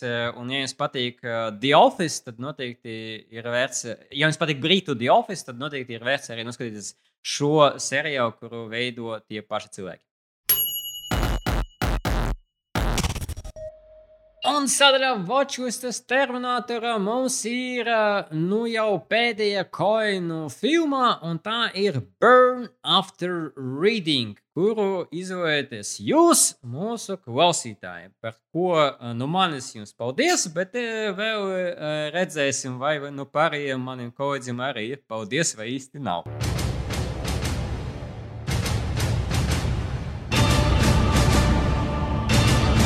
Hasta la vista, baby. Ja kāds klausās mūsu pirmo reizi, tad hei, welcome! Um, bet mums ir Watchlistas terminators, uh, kur ietveros mēneša laika. Mēs skatāmies uh, uh, filmas, kas iederas pie kāda no tematiem. Un šīs, šī mēneša temats bija koinu filmogrāfija. Jeb filmas, kuras uh, mēs īstenībā uh, vai nu neesam redzējuši, vai nu esam redzējuši ļoti sen un gribētu noskatīties vēlreiz. Nu, lūk, Burn After Reading. Kā jums patika šī filma? Nu, ar Burn After Reading ir tā, ka es šo filmu biju redzējis kaut kad, uh, nu, aptuveni to laiku, kad viņi iznāca. Un toreiz man viņa, Mhm. nu, tā kā pilnīgi kaut kā nenostrādāja. Nu, bija tāds, es viņu nostājos aizmirsu un vispār neiedziļinājos. Un tāpēc es ar diezgan lielu interesi patiesībā biju gatava viņu skatīties vēlreiz, jo, nu, laiki iet uz priekšu, mainās, un viedokļi arī mainās. Un es gribēju saprast, vai, nu, vai varbūt tā filma kaut kā citādi izskatās šodien. Un? Un bija labāk. Nebija tā, ka pavisam labi, jā, bet uh, klikšķēju šoreiz uh, drusku labāk. Uh, it sevišķi filmas kā pirmā puse. Un, uh, tā jā, tas bija tāds patīkams pārsteigums, jo tajā pirmajā reizē es atceros, man patika Brēds Pits, bet nu, es domāju, ka tas visiem viņš ļoti patīk šajā filmā, bez variantiem. Un uh, kaut kā tas pārējais viss tur tādā vienā ņurbulī tā kā savācās. Bet šoreiz, uh, šoreiz kaut kā man tas viss stāsts sastājās vietās savās labāk. Un, Un kopumā tas iespējas palika krietni, krietni patīkamāks. Tā varbūt es nezinu, es arī pieaugusi prātiņā drusku vairāk un, un tā. Bet, um, bet, nu, jebkurā gadījumā tā joprojām, nu, tā nebūs man mīļākā koina filma, bet, uh, bet, bet tas pavadītais laiks kopā ar viņu likās krietni, krietni pēnāks nekā pirmajā reizē. Tā kā, jej! Nu, tad, tad jau tā, tā, tas trends iet uz augšu, un, un ā, gan jau trešo reizi skatoties, ā, Varbūt. pēc ā, pieciem, desmit gadiem būs vēl labāk. Nē, nu tā bija, teiksim, man ar Libovski arī, ka otrā reize man patika aizvien labāk un labāk. Jā, es gribēju pateikt paldies, paldies visiem, kas uh, sabalsoja, tāpēc, kad, tāpēc, ka tur bija vēl, kas tur bija Millers Crossing, A serious, Serious Man, kas bija vēl trešais, Raising Arizona. jā, Nu, kaut kādas dažas no tām filmām es neesmu redzējis, un šo es biju redzējis, bet, uh, kad mēs likām balsošanu, tad es teicu, iekšējā čatā, ka priekš kā vajag balsošanu, tad vajag nobalsos par Burn After Reading. Un tieši tas arī notika ar lielu atrāvienu. Līdz ar to, nu, kāda jēga likt kaut kādu balsošanu, ir skaidrs uzvarētājs. Paldies, kad apstiprinājāt to, ka es spēju paredzēt lietas un vispār zinu, no things. Tā, kā, bet, uh, jā, bet, You drink and you Pagā, know. kāpēc Jā, mums vi- visus savus uh, saglabātus gifus uh, ar to I told you so deju? nu, nu, es Tādas taču ir saglabātas. Pažēlot. Man ir visādi gifti saglabāti, jā, ne- nebaidies. Bet, uh, jā, runājot par filmu tēmu, jā, man lik- likās ļoti līdzīgi kā ar Intolerable Cruelty, bet tas man liekas, ka mums, nu, man būtu jāatkārtojas to, ko mēs jau esam izrunājuši. Kad, uh, Iespējams, pirms šī watchlistas terminatora temata, nu, kā koēna kā tāda, es biju dalījis vat, koēnu filmas, tipa, tā kā, nu, tā kā nopietnā filma un tipa, tā kā izklaides, tā kā light filma. Un, uh, un tagad, varbūt iedziļinoties un varbūt citādāk uh, apsmadzaņojot un, un sagramojot režisoru filmogrāfiju, es vairs nevaru pateikt. Respektīvi, es varu tā turpināt uzskatīt, bet viņi paši noteikti neuzskata. Es ļoti šaubos, ka viņi tā, ka, ok, mēs tagad filmēsim Kormaku Makārtī, nu šitais būs rītīgi Oskaros nosaucīsim, un tagad mēs tur filmēsim Intolerable Cruelty vai Burn After Reading, kas arī ir melnā komēdija. Un šitais jau būs tāds, tipa, nu, tā kā jampa- jampampiņiem, tad tā kā tur hihi, haha. Nu, nedara viņi. Man liekas, ka viņi tā nedara. Man liekas, ka viņiem katrs tas projekts ir tāds, kāds viņš ir, un, un kas ar viņu pēc tam notiek, ka viņš ir uzfilmējis. Tas jau ir cits jautājums, bet viņi noteikti savas filmas nešķiro. Citādāk viņi droši vien nebūtu filmējuši Inside Louis Davis, tāpēc, ka nu, uz papīra to filmu nevienam pārdot pēc tam nevar, un tā viņi arī nekur mākslā. Nu, tā kā vismaz pie mums viņi neiznāca. Un tā ziņā, ka viņus neinteresē tāds, tas vienkārši interesē stāsts. Un, un uh, kaut kā es saprotu, ka es nedrīkst, es viņus vairs nevaru tādā veidā dalīt, un kad tu atbrīvojies no šī kaut kāda tāda soga, ka nu, šai filmai tad jābūt ir. Uh, Tad arī tā kā pamatīgai, tur kā Fargo, piemēram, un šitā jau tāda tipa vieglā. Mhm. Un tad vienkārši skaties viņu kā filmu, un ir bijis viņa vieglāk. Un šajā man ļoti, ļoti patīk uh, tas, ka viņi, bet un jāpaskatās, ka viņi ir, viņi ir viegli, vieglākā. Man liekas, ļoti interesanti, ka tur ir šī gan kam nav vienīgā koina filma šādā ziņā, bet man liekas, ka vismaz man šeit visvairāk iekrīt acīs, ka uh, būtībā visa filma ir casting against the type, ka viņi paņēmuši aktierus un, un uh, varbūt, ka Varbūt arī tāpēc, ka visas filmas varoņi ir idioti kaut kādā tādā vai citādā veidā. Mhm. un, uh, bet tur ir tā, ka viņi, viņi pat Kulnīs ir Gasta Genza Taipa un Malkovičs, un īpaši Brits Pits visvairāk. Nu, Kūnijas, pieņemsim, Kūnijas ir jau like, trešo reizi. Against the Type, ieskaitot to Brother un, un Intolerable Cruelty un šī tad ir trešā. Malkovičs varbūt ir bijis mazāk, tas, ka viņš vienmēr tāds īgnīt kā ir, bet tas liekas vairāk tā kā no viņa paša nāk ārā.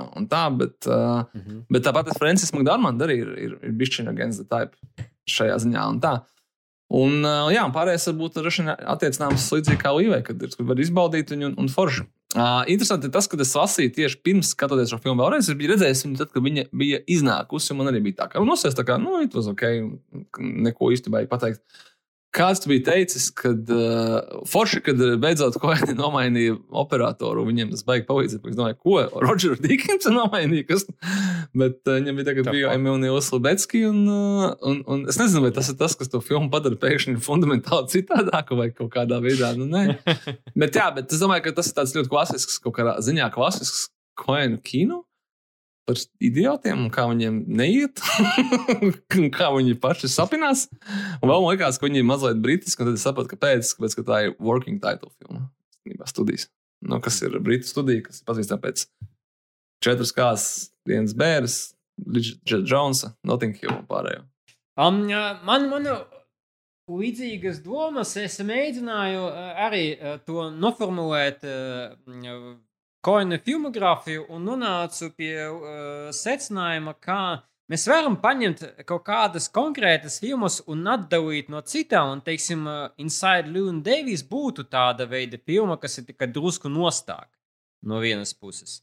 Uh, bet uh, šīs filmas, ieskaitot arī Cruelty, ieskaitot Lady Killers, ieskaitot Burn After Reading, uh, vienalga atrodas laikam uz kaut, kādas, uz kaut kāda koina spektra, spektruma, kur uh, viena puse ir uh, krimināls, otra puse ir melna komēdija, un viņi veidojot filmu, atrod to balansu. Un, katrai filmai balans būs citāds, un, teiksim, No Country for Old Men arī tur ir kaut kāda melna komēdija iekšā. ļoti tur melna. Skaidrs daudz vairāk ir krimināls, jā. Un, un šeit savukārt skaidrs, ka vairāk ir, joprojām, ļoti melna komēdija, bet skaidrs, ka vairāk ir komiskāka filma. Un, un teiksim, Libovski jau arī tas pats uh, balansu akts starp uh, kriminālu uh, žanru un, un komēdisko žanru. Uh, jeb krimināla komēdija. Nu, tad uh, faktiski viņi veido, viņi spēlēs vienkārši savā žanrā. Un, un tas pats principu var teikt arī attiecināt arī uz to pašu Bastīru Skraksu, kas uh, drusku crime, drusku nāve, noteikti ir melna komēdija un, un uh, viss uh, notiek kaut kādā uh, savādā koinu balansā. Um, un es man liekas, ka arī skatoties uh, 8. gada filmu Burn After Reading, man bija līdzīga sajūta, ka tas vai, nu, tāds uh, ir tīpaši pēc viņa iepriekšējās filmas, kas bija No Country for Old Man. Uh, tad šis ir tāds uh, uh, vairāk. Uh, Nezinu, laižamais gabals, ka tu vari izlaist un ķerties pie nākamas viņa filmas. Uh, skaidrs arī, ka skatoties otrreiz vai trešreiz, laikam, uh, tad, tad uh, šī sajūta pazūd, un, un tā joprojām ir koina filma, un viņa ir brīnišķīga. Un, uh, uh, es uh, uh, arī šo filmu izbaudīju, man liekas, vairāk nekā es izbaudīju viņu pagājušajā reizē, un tieši tādēļ, ka es vairāk izbaudīju tos uh, idiotus, kā tu teici, uh, uz ekrāna. Un skaidrs, ka viņi visi ir idioti, un, un te ir arī dažādas kapacitātes, kur, kurš konkurs, kurš ir lielākais idiots. Kas ir īstenībā tāda Um, tēma, ko jau no filmogrāfijā palielam ļoti. Jā, jā, jā tēma. absolūti. Viņam, viņam patīk rasīt idiotus, un es jau teicu, man, kas pie uh, Cruelty, ka, uh, ka Klūnijam vajag spēlēt idiotus, jo viņam ļoti labi sanāk to darīt. Ir tīpaši šeit. Ar uh, visu to, nu, es nezinu, nu, ar kaut kādām detaļām, kur kūnijas, teiksim, komentē par grīdu. Tā kā pakauot pie grīdas, pakauot, ah, tā kā koka grīda, nice. Es nezinu, sīkums, bet riktīgi patīkas. Skaidrs, ka kūnijas uh, neko tādu neizmanto citās lomās. Uh, nu, nu, nu, uh, jā, Malkovičs uh, brīnišķīgs, uh, uh, Makdormanda Windows loma arī superīga, bet čats, uh, protams, tā kā Brēc Pits katrā savā ainā nu, scene stealer. Noteikti. Un, un, un, man patīk, ka, ka, nu, ka tur ir kaut kāda arī no, tie, no to aktieru puses pašironija, kur viņi ir gatavi spēlēt tādas lomas. Un varbūt viņi ir gatavi spēlēt tādas lomas, tāpēc, ka režisora krēslos ir koini un brāļi, un viņi tiem uzticās. Uh, jo, jeb, uh, nu, sanāk viņa strādāt ar aktieriem un sanāk arī piesaistīt tos aktierus. Es Jā, Līva? gribētu vēl īpaši izcelt Richardu Jenkins, kurš šeit un arī Intolerable Jā. Cruelty viņam tik labi sanāk tāds, nu, tāds nožēlojams dzīves noguris lūzers, kurš tā kā nu, nespēja vienkārši vairs ar tiem klātprātiem, kas viņam ir apkārt tik galā. Viņam tāds viens arī no tādiem highlightiem filmā, par kuru īstenībā es biju aizmirsus, jo parasti, kad es tā kā domāju, es atceros tur George Clooney, Brad Pittu, bet, um, bet uh, šoreiz uh, Jenkins arī tur tā uzspīdēja ļoti forši. Bet ziniet, kas ir mākslinieks, kāpēc mēs tagad skatāmies tās filmas otro reizi un, uh, un vēlāk, un uh, viņas mums tieši šajā brīdī liekas labākas. Man liekas, ka mēs esam uh, kā kino zaudējuši tādu žanru, kas aprakstīts, varētu tikt aprakstīts, ka labi aktieri apzīrējas. Nu, viņš praktiski vairs nav. Nu, mm -hmm. Viņi ļoti maz. Ļoti maz. Nu, Mid-budget. Jā, ir, ir, bet nu, ir vai nu, ir vai nu blockbusteri, vai arī kaut kādas komēdijas, kas, nu, tā kā, nu, nevis burn after reading, bet nu, tā saucamās, tur, nezinu, game night. Kur ir nu, labi aktieri, bet nu, mm -hmm. tas tomēr nav tas pats. Vai arī nu, šausmu filmas vai kaut kas tāds, bet šādu, kur, kur būtībā iemesls skatīties burn after reading ir aktieri un viņu nu, aktieru spēle. Protams, ka scenārijs, protams, tas stāsts, bet tas kaut kā Es, es, es vienkārši sasēdu to baigi visu kopā, jo tādu filmu, jā, kuru tu, tu ej, un tas, ir, tas arī tās filmas, tā kā tev pārdod Klūnijas, Pits, Malkovičs, Makdormanda, Tilda Svintona. Mm -hmm. Nu, varbūt tikai Once Upon a Time in Hollywood, no pēdējā tas, tu skaties uz aktieriem, un viņi vienkārši tēvo un būtu pust, bet tur ir tā kā tomēr Tarantino stils un tā, un tas ir bišķiņi Bišķiņ malā, nu, tā kā savā žanrā, bet tādu ot, filmu kā Burn After Reading vispār konceptuāli ļoti, ļoti, ļoti maz palicis. Tur, mēs varam teikt, Three Billboards outside Ebbing, Missouri.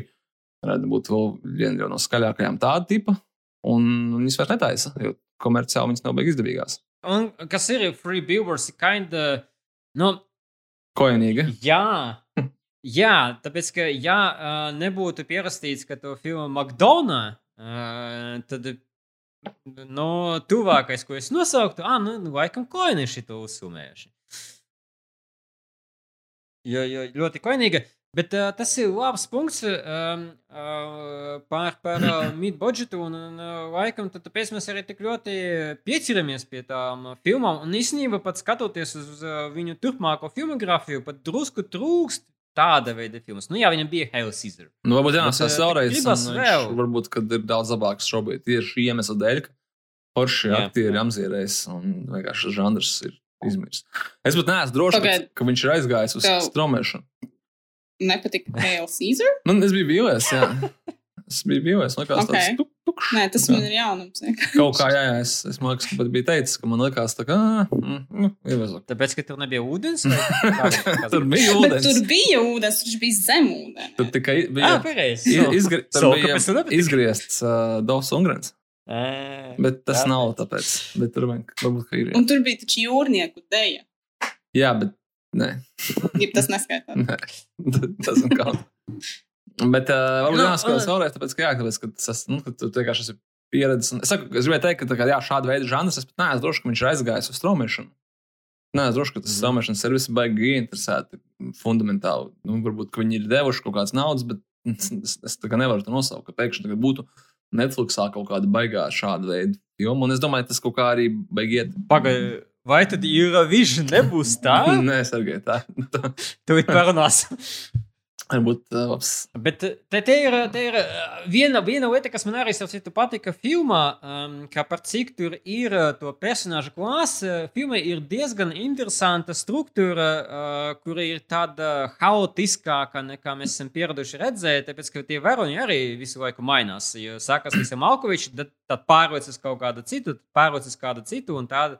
Šādi veidojas tas, tas tīkls, uh, kur beigās tu absolūti piekrīti J.K. Simons uh, personāžam, ko mēs iemācījāmies no šita, šita fināla. Bet galvenais neatkārtojam atkal. Un, un, es, es uh, zinu, kā es atceros, klausoties šito citātu, es atceros citātu no Tarantino uh, un no filmas par filmām, jeb no Inglourious Busters, kur Tarantino beigas pasaka, uh, I think this is my masterpiece uh, par savu filmu. Nu, tad uh, šajā gadījumā Koini pasaka, tā, ka, ko mēs sapilmējam? Te fuck, nezinu, ko sapilmējam. Nu, laikam nemēģināsim vēlreiz. Un tad burn after watching. Līdz ar ko sanāk uh, pareizes nosaukums. In interesanta teorija.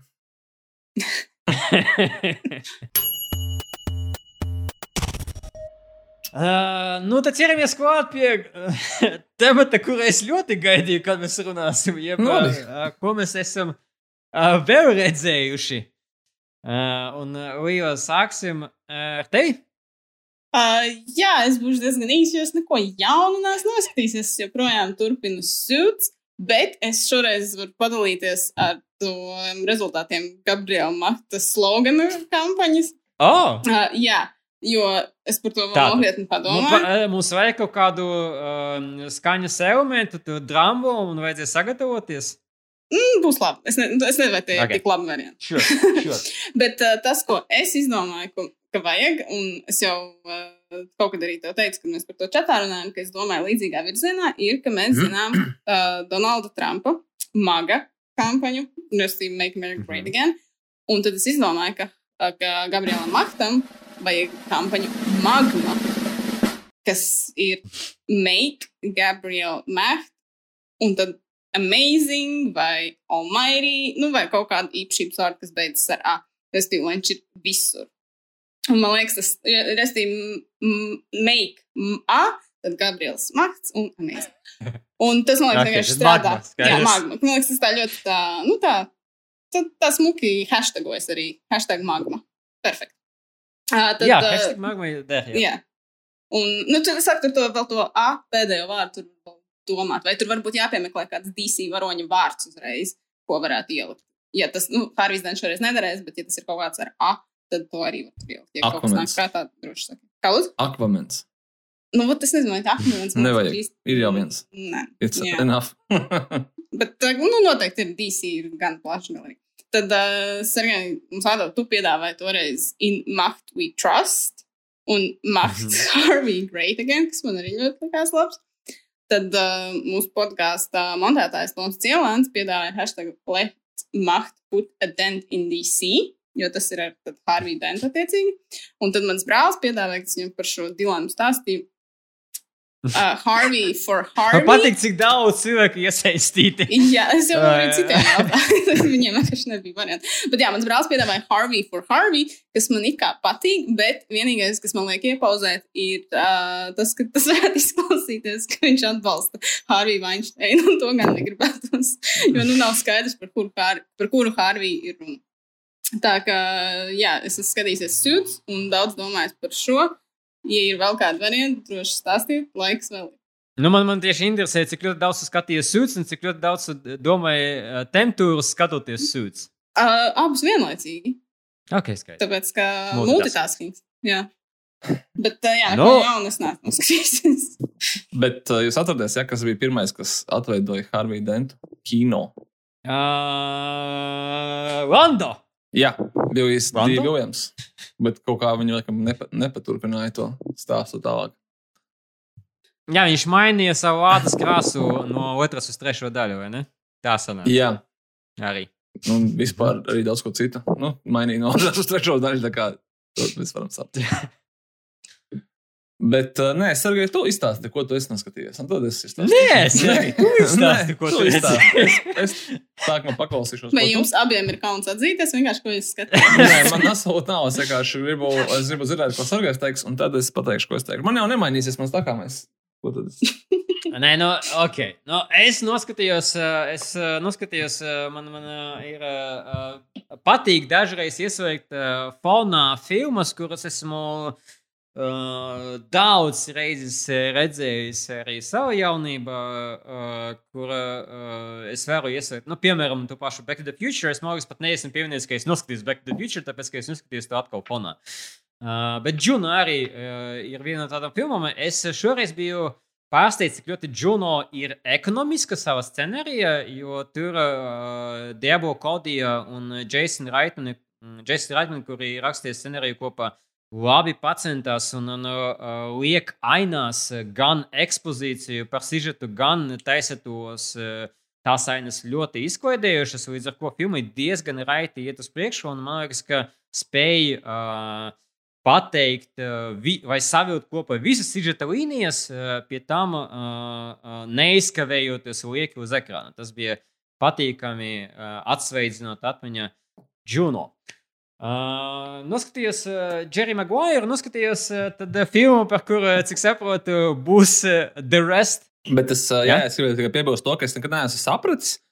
Bet es nenoliedzu to, nu, kas skatās filmas fonā. Es nekad neesmu sapratis, kā, kā, kā, kā to var darīt. Tāpēc, kad uh, man tā filma patīk, tad Ah, es tā kā es pārslēdzu uzmanību uz un Ja man tā filma nepatīk, tad es arī pārslēdzu uzmanību uz viņu. un Es tā kā neko ne. Es esmu, zini, kā? Filmas skatīties fonā nozīmē klausīties filmas. Jo tu klausies filmas, bet tu, tev atmiņā uh, bildes jau tik ļoti labi iemužinātas, ka tev nav jāskatās konkrēti uz ekrāna, lai redzētu, kas notiek ar personāžiem, jo to tu atceries. Un tu vienkārši tā kā klausies uh, pie kaut kādām konkrētām ainām, un tu ieskaties uh, konkrēti uz ekrāna, bet pārsvarā uh, tu izbaudīji to stāstu audio versijā. Bet nu, tas arī atkarīgs. Es nekad neteiktu, skatieties filmas fonā uh, pirmoreiz, jo es vienkārši džunu redzēju, liekas, uh, reizes piecas, līdz ar to es to diezgan labi atceros. Es tā daru nevis ar filmām, bet ar seriāliem. Friends, teiksim, ir kaut kas, kas var iet No, fonā. Friends tā ir kā klasika, radio gandrīz, vai, vai, vai Brooklyn Nine-Nine, vai kaut kas tāds. Ka tu, tev, te, kā tu teici, tev nav jāredz tā bilde, jo viņi redz pats savā galvā vienkārši. Okay. Es mēģināju, bet es tā kā man sāks, sāk skatīties un novērsos un saprotu, ka es nevaru fonā neko skatīties.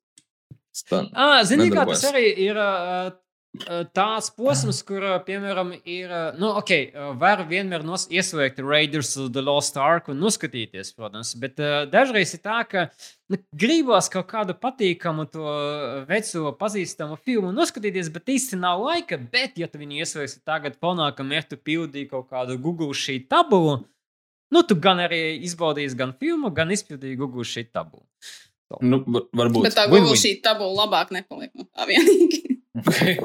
Nu, bet viņa kļuva izklaidējuša pavadītais laiks. Nu, jo ir. pirms tam viņa bija tikai puika, kurš ir tabū. Bet mēs vienkārši, es saprotu, ļoti ilgu laiku sekojam ap to filmu nosaukumu, jeb Eurovision. Jo mēs ar Sergeju noskatījāmies Eurovi- Eurovizijas filmu, kas ir interesanti. Pirms to noskatījās ā, Līva, kurai vajadzētu noskatīties par cik tur ir Dan Stevens. tu neredzēji to filmu, ja? Es, un, es taupu tā kā Ok. okay. saldēdienu. Labi. Nu, tev Sergejs to ir pateicis, ka varbūt tas nav saudēsies. teica Kens Džongs vienā filmā is gonna be a shit sandwich.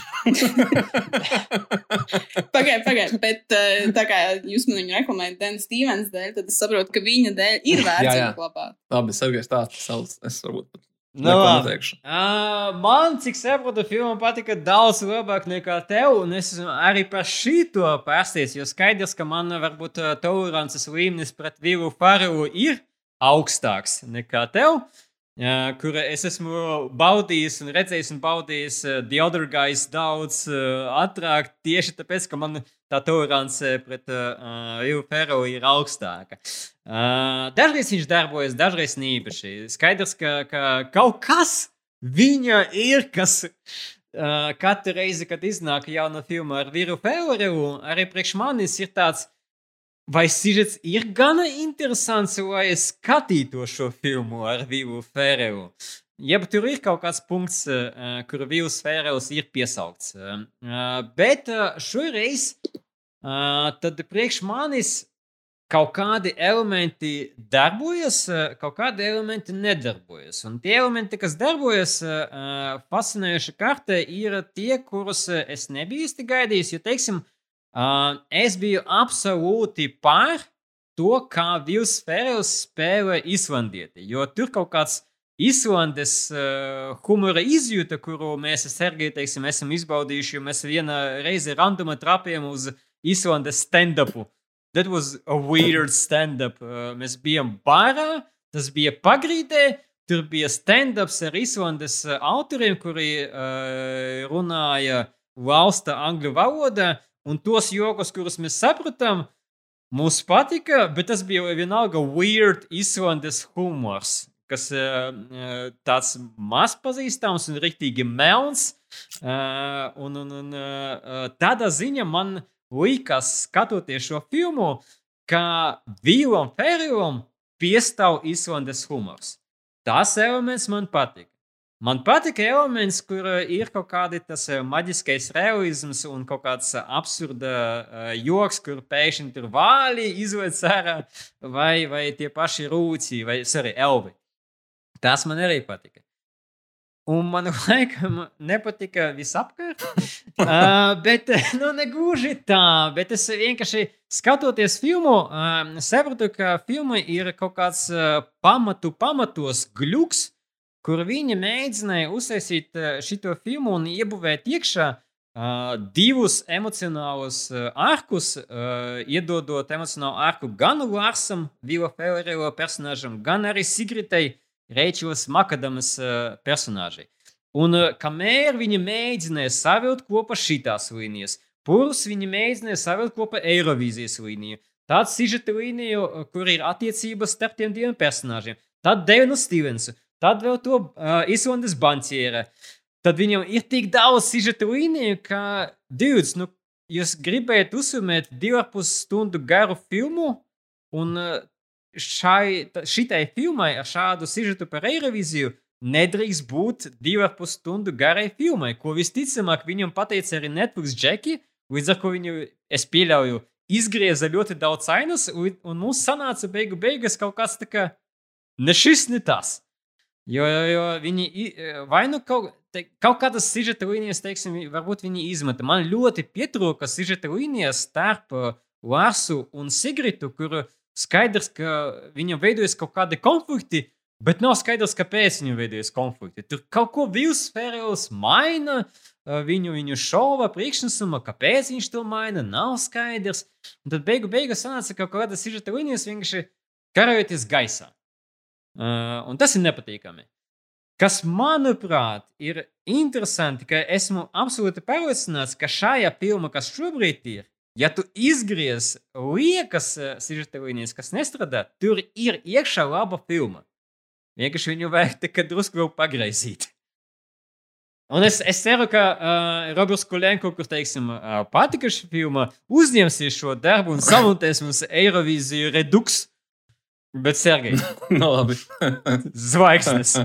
Tu man teici, ka tā kā 3 no 5. Nu, bet, zini, kā tās zvaigznes jau tādas ļoti. Es, tas bija mans minējums. Tas jā. ir tas kā. Nē, pagaidi, tu teici, ka tu pat par sevi to teici. Jeb nē. Ah, es, es teicu par sevi, bet es biju minējis, ka arī tev varbūt būs. Uh, Nē, man nebija 3 no 5. Man Bija, uh, zini, kā. Uh, pirms, pirms, Nu, di, nē, es teiktu, sorry. Es samazinātu tagad vēl uh, drusku laiks, kad pagāja 2,5 no 5. Es viņu tikai rīktīgi in the middle. nu, es nevaru samazināt vairs, jo man atzīme ir 1 no 5. to vienu, kas. Nē, nu, Esmu gatavs- Es esmu gatavs to vienīgā aizstāvēt īstenībā. Nu, kad viņi ir tieši tur tā. Uh, bet vispirms ir tas uh, backgrounds, ir tāds, ka uh, man arī liekas, ka tas ir divas filmas, par kurām mēs, es runāju šo, šodien, un, uh, un tas overarching theme ir tā kā managing of expectations. Jo redzi, Vils Ferels, es nav tā, ka es heitoju Vilu Ferelu. Ir daudzi citi komiķi, kurus filmas es tā kā nu, mēs jau Maiklu Seru pieminējām, mēs nepieskārsimies vairs viņam, bet viņš arī nav aktuāls vairs. Ne? Bet, nu, piemēram, kaut kāds, es nezinu, Denijs Megbraids, Davids Speids, tas pats, šitais te, uh, Kevins. Kā sauc? Kurš tikko nācis? James? Kevins Džeims, jā, bet, zināmā mērā, Džeimsam īstenībā respekts. Tur uh, mums arī uh, Facebookā pareizi pieminēja par viņu? YouTube kanālu. Nē, nē, viņš tur cenšas kaut ko mainīt. Es, es viņu daudz vairāk tagad cienu, ka es noskatījos viņa YouTube kanālā, viņa tos dramatiskos, uh, dramatiskās izfilmas. Es, es, es, es vairs nevaru teikt, ka viņš vienkārši tur kaut kāds klauns, kad vispār par, parazitē uz Sandora. Nē, nē, nē. Tad Sa- tev jānostāsta vēlreiz pikseļi. Nē. tagad tikai uz priekšu. Dod iespēju pikseliem. Jā, Adams, Make pixels Adams great again. Sandlers noteikti. Un tā, tā, kas pēc tam Vilnam Ferram ir. Viņam bija Stranger Than Fiction, viņam bija nesen eh, tas uh, Downhill remake. Es domāju, man nav tā, ka, es nav tā, ka es, man ir uh, baigais boners no viņa humora izjūtas, bet tas nav tā, ka es uh, viņu tā kā dispaizoju, ka fuj, nu tā kā tas kaut kur pa vidu. Un uh, es īstenībā biju ārkārtīgi pozitīvi noskaņots par filmu Eiroviziju. Piedod, piedod, piedod. Jā. Pa vidu starp Boneri un The Spice. Tas ir laba, škāva, un es viņu izmantošu. Es, es ceru, ka tu, es ceru, ka tu visu savā dzīvē nomēri precīzi uz puses un nogāji. Īstenībā tā ir laba lieta, kā, nu, tā kā, ja, I mean, ja tas nestrādā, tad kas vispār strādā dzīvē? Nu, lūk, bet es biju ļoti. Mēs joprojām pa Boneri runājam. Nē, nē, mēs jau aizgājām tālāk uz filmu. okay. Es biju cerējis, ka es vienkārši gribēju ha having good time. Es nezinu, kā. Nu, cipa, vienkārši pasmieties no komēdijas. Vai nē, Eirovīzija mums zinām tēma. Mēs zinām, ka Eirovīzija can wow, bet, nu, un, un tā, un, un, un viss. Un šis filmas galvenā problēma. Problēma, bet tikai viena no, diemžēl, kas man ir ar šo filmu, ir tāda, ka es uh, skatos un es, es vienkārši varu skaitīt jokus, ja tu gribi ar timeri, un neviens no viņiem nestrādā. Es vienkārši ne, ne par vienu viņiem. Un tu uz papīra redzi, ka tas ir joks, joks, joks, činka, činka, činka, činka, činka. Un tev vienkārši neliekas, neviens no viņiem pat attālu smieklīgs. Un tas ir viss, tas ir Death Sentence komēdija. Tur var pateikt, ok, Sergei, tas vienkārši nav priekš tevis. Jā, okay, Jā. sure, sure, absolūti. Līdzīgi kā piena zupa ar klimpām. Ir cilvēki, kas to ēd, good for you. Es to nedīšu, bet kā, nu, vai, nu, kā, tas nav vienkārši priekš manis. Bet man bija daudz lielākas problēmas, piemēram, ar visu to stāstu, ko tu minēji. Man ir problēmas ar to, ka Vils Ferels vairāk kā 50 gados viņš pēkšņi tēlo to personāžu, kuram es nespēju, es nespēju ne, ne viņam nejust līdzi. Man liekas, ka viņš ir pilnīgs durnis. Mēs šodien ļoti daudz runājam par kādiem idiotiem, bet nu, kā, es nesaprotu to personāžu, es nevaru viņam just līdzi. Viņš moka to nabaga Sigritu. Viņa ir acīm redzot arī kaut kāda, nu, tas ir joks par kaut kādiem izsvandēšiem, ko viņi atpalikuši, tāpēc, ka viņa viņam velkās līdzi. Nu, sorry, es saprotu, ka tā ir komēdija, bet es nespēju reāli atslēgties no tā, ka, vai, kas tieši notiek. Tie personāļi man ir jājūt viņiem līdzi. Tas nebūs arguments. Bet, Sergei, tā ir komēdija. Tev vienkārši jāsmējās. Ne, pirmkārt, es jau nesmējos. Man ir laiks domāt par visu kaut ko citu. Nē, pēc, ka- nu, ņemsim vērā, ka komēdijas ir dažādas un humora izjūtas ir ļoti dažādas un nav pareizas atbildes, ka šī humora, šis humors patīk, šis Protams. nepatīk, šis ir labs Bet, Sergei. Vienkārši joks ir vienam digi, digi, dong, dong strādā, otram nestrādā. It's ok. Bet stāstam, kā ir jābūt. Tu nevari pārmest, nevari filmē pateikt, Sergei, aizmirsti stāstu.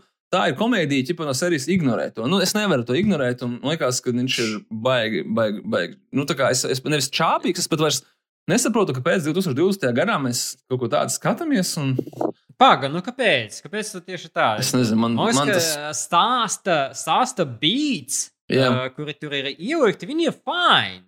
Jā, viņi varbūt ir formulīski, bet tā problēma nav ar formulu. Problēma ar realizāciju. Ka viņi to formulu nenoturēja līdz galam, tāpēc ka viņi, man, teiksim, man ir liekas arī drusku, ka uh, tas bija mm, projekts, kuru Vils Fērls iedomājās. Uh, un viņi sarakstīja to, un pēc tam viņi tā kā izdomāja, ah, hei, klau, mums vajag arī Sigritai iedot kaut kādu to arc emotional. Un tad viņi liek klāt arī to arc, jo, nu, tev ir legit punkts par to, uh, ka nav skaidrs, kāpēc viņi ir tā kā kopā in partnership. Jo nav attiecību starp viņiem. Tur Jā, attiecību nav. ja tu sāc domāt par to, tad viņas ir super uh, negatīvas. Viņš ir kaut kāds kontrolējošs asols, kurš neļauj viņai izpausties, dziedāt savas dziesmas, kaut ko darīt pašai, nelaiž viņu projām un neko nedara. Nu, tā kā, labi, mēs, Un man, nu, jā, uh, nē, tas stāsts ir tieši tāds, kāpēc tā filma būs populārākā filma šogad. Viņš ir uzers, dzied dziesmas, viņam ir sapnis, aizbraukt uz Eirovīziju. Viņa pēc viņa stenē, viņš viņu nenovērtē.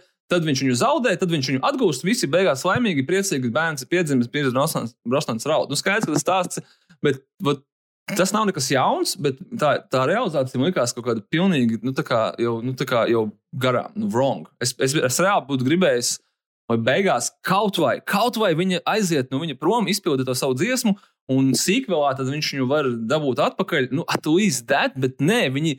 Viņi uztaisa tieši Vai, ā, tu taisīsi jau arī otru daļu skatīties? Jau, Nē, kad nē, es vienkārši saku, ka, kad, kad, nu, kad tas stāsts ir tik ļoti tieši tas, ko mēs gaidām, un, un es joks man nestrādā, un viss bija ļoti, ļoti slikti. Un, sorry, jā, bet tas, ka.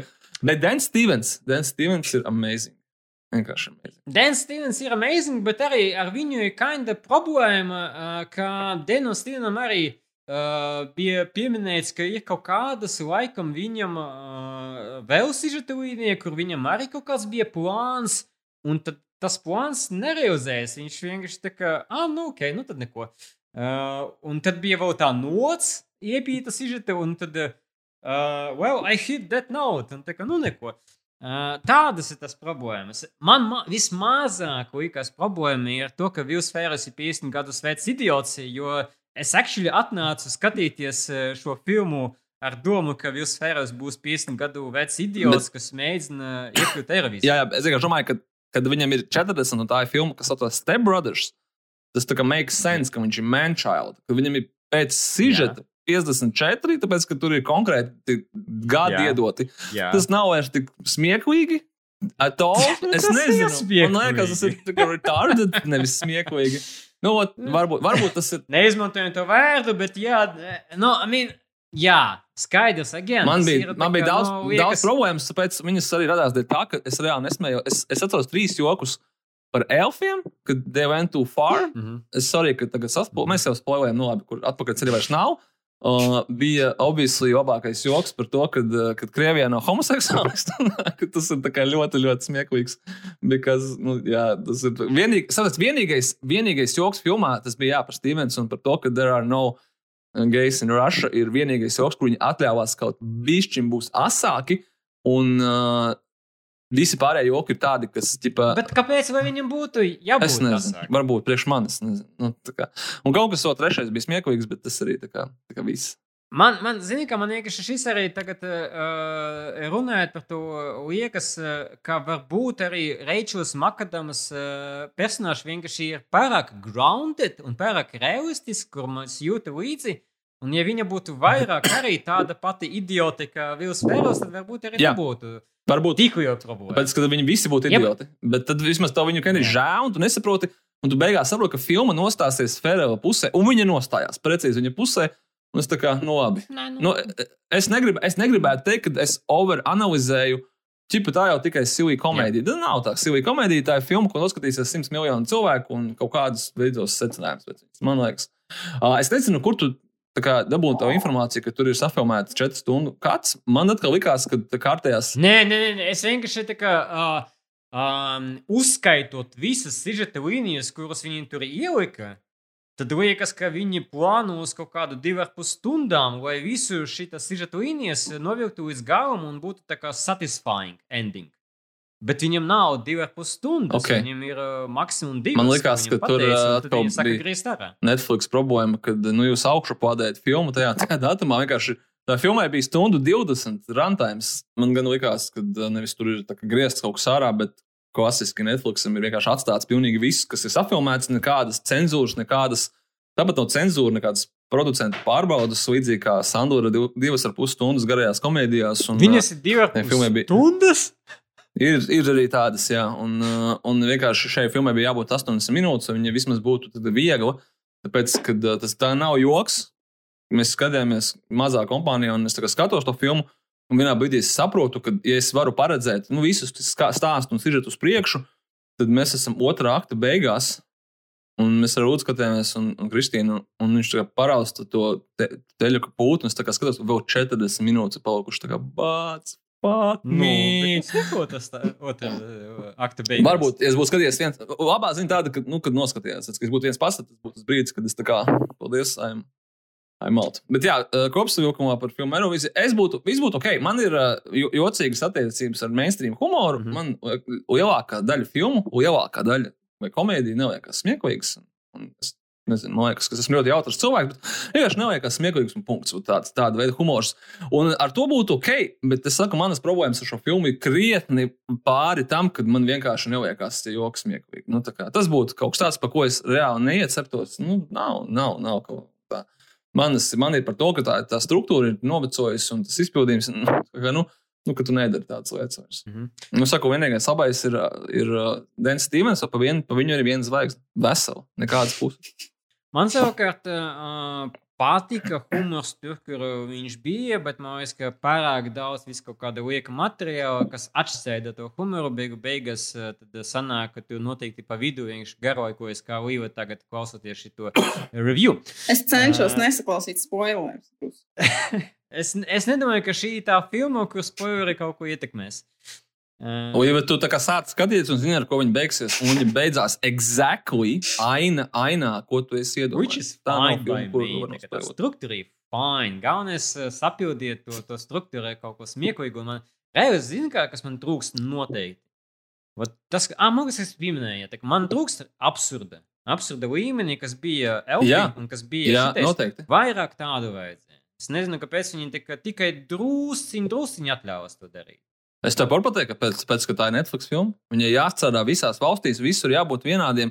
Visur Bet ir smieklīgs joks, kad par, ding, par dingdongu. Dingdongs ir smieklīgs visās valstīs. Nu, depends un tā, bet uh, tāpēc es teicu, ka tu saki, ka tu absurds, un es teicu to edžines, un, un, un tas par to uh, Krieviju un homoseksuālistiem bija vienīgais edži joks, kuru obviously, mm, nu, tā kā kaut kādā pasaules valstī, tā kā, hmm, bet tas bija, vien, nu, vispārējais bija pilnīgi nekaitīgs un, un tā.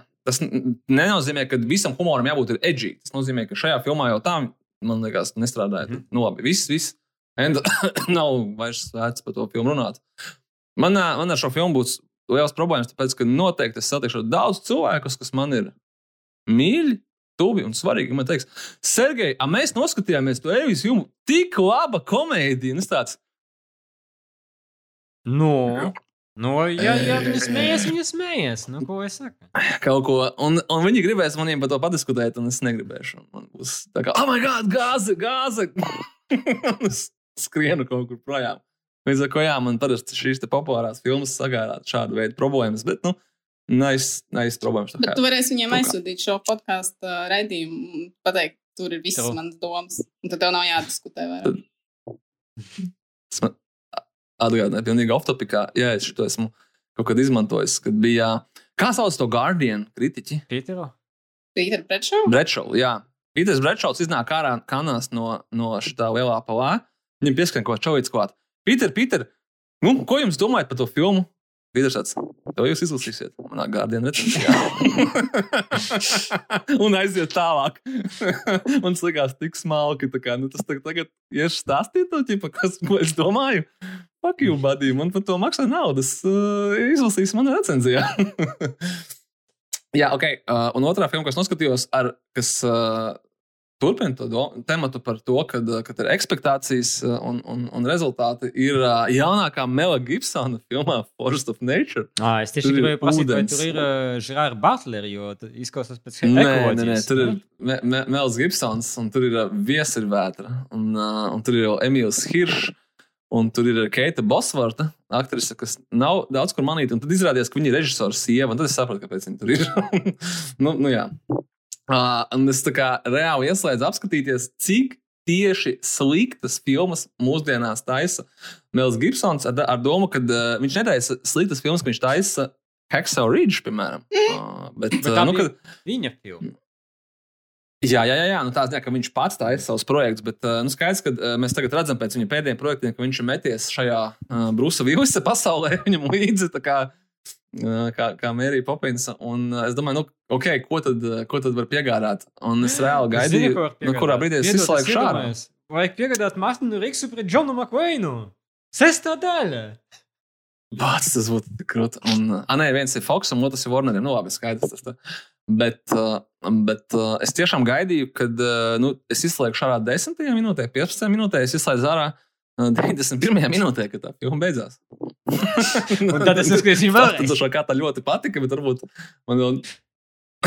Es viņu nekad vairs otru reizi neskatīšos, bet, uh, bet kā bēžu šķiras grāvējs, vai tieši tāds. Ja tur varēja, varēja būt arī Žerārs Butlers, bet incidents, ka tur Mels Gibsons ir tā, ir tā filma, kas ir, kur ir Bruce Willis uz plakāta un kur viņš ir 10 minūtes. Un šeit tā ir filma ar Melu Gibsonu uz plakāta un viņš ir 30 minūtes. Bet viņš nav galvenais varonis. Galvenais varonis ir Emīls, Emīls Hiršs. Ā, Es jau uzrakstīju mūsu iekšējā čatā, kur, man liekas, kas rezumēja ar vārdiem. Es kaut ko ļoti, ļoti gari sarakstīju, kāpēc man tā filma patika. Pēc tam naktī uzreiz, kā noskatījos, un, un es to visu summarizēju ar vārdiem. Tā kā nevienam neiesaku, izņemot pats sevi, bet es pats jau noskatījos.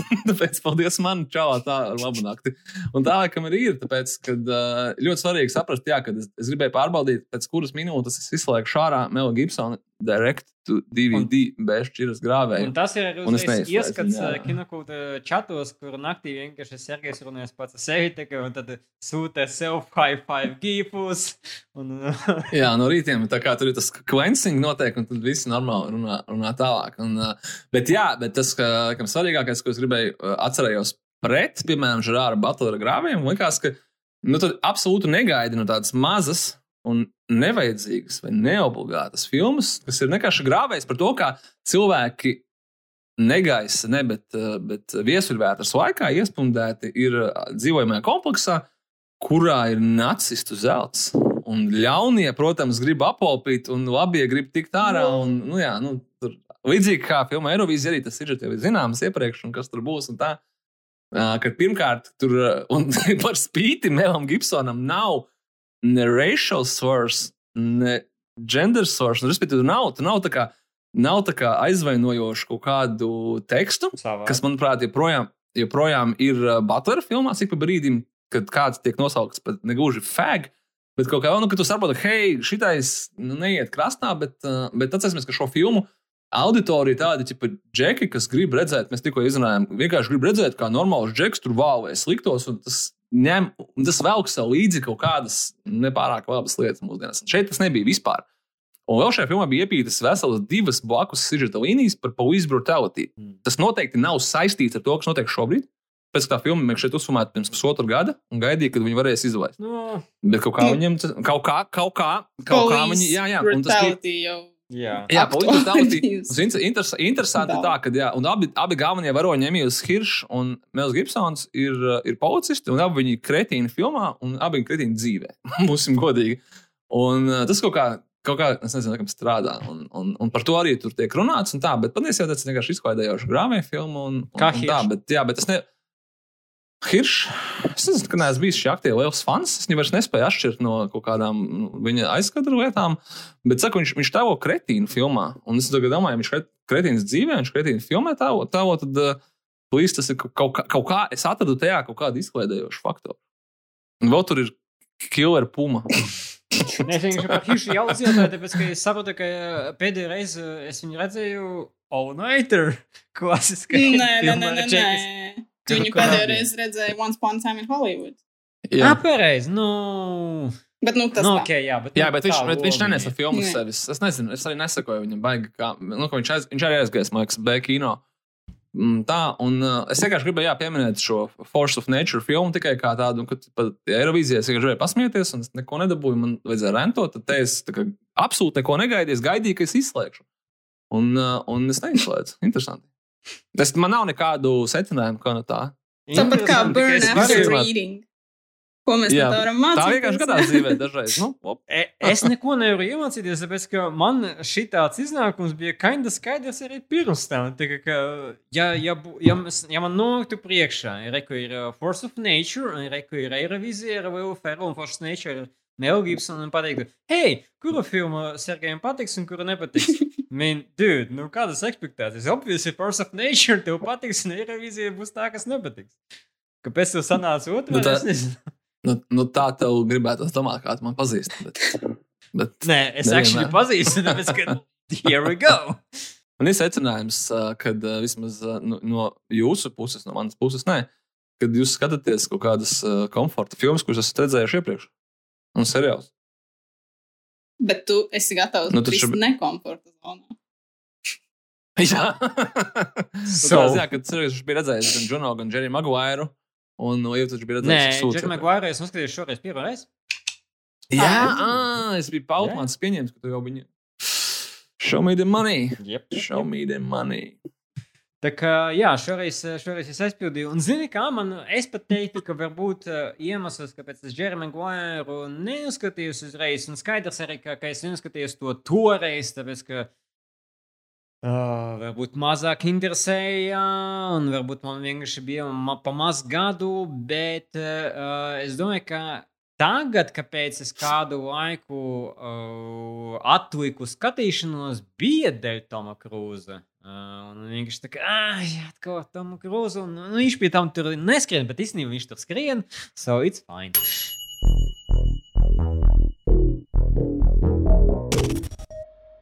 Nu, ko, un noslēgumā mums uh, raidījumā atgriežas tāda patīkama tēma, par ko mēs ilgu laiku nebijām runājuši, kas ir jauns kinoteātris. Jo kinoteātris tagad atkal ir vaļā, kas nozīmē, ka ir arī šādas tādas jaunas filmas parādījušās.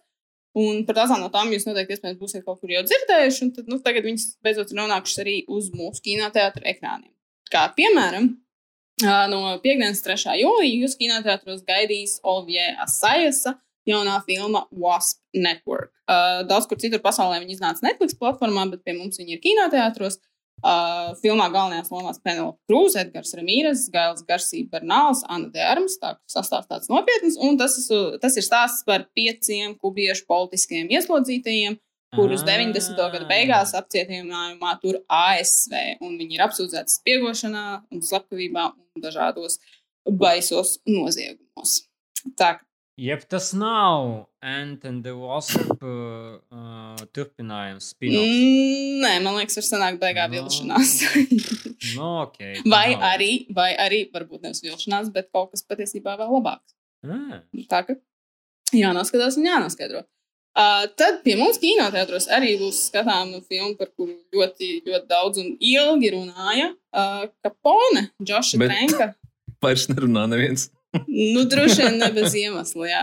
Kas, kā jau, jā, kas, kā jau nosaukums pasaka priekšā, ir par uh, labi zināmo gangsteri Alu Kaponi viņa dzīves uh, noslēgumā, kurš uh, nu, tāds beigas pošs nebija, salīdzinot ar to, kā viņš dzīvoja, tad, kad bija tāds mm, spēka gados. Uh, bet, nu jā, ja jūs esat gatavi, tad, tad, tad, tad tas arī jūs gaidat kino. Tāpat arī. Džošs Stranks, jūs varētu atstāt kādu komentāru viņam pēc šīs filmas noskatīšanās, bet jūs vairs nevarēsiet, jo viņš tam Instagramā kaut kādam cilvēkam atbildēja uz negatīvu recenziju par filmu Kaponika. Šito tu man draudziņā sejā nekad nepateiktu, jo es tev iedodu pa muti, tad izlaisties ārā no visiem tīkliem. Nezinu arī, kāds viņš, viņš dzīvo kā, viņš dzīvo kā kapone, tā kā strauji un ātri. Tad, kad man liekas, ka man kaut kāda būs simpātija pret viņu, ok.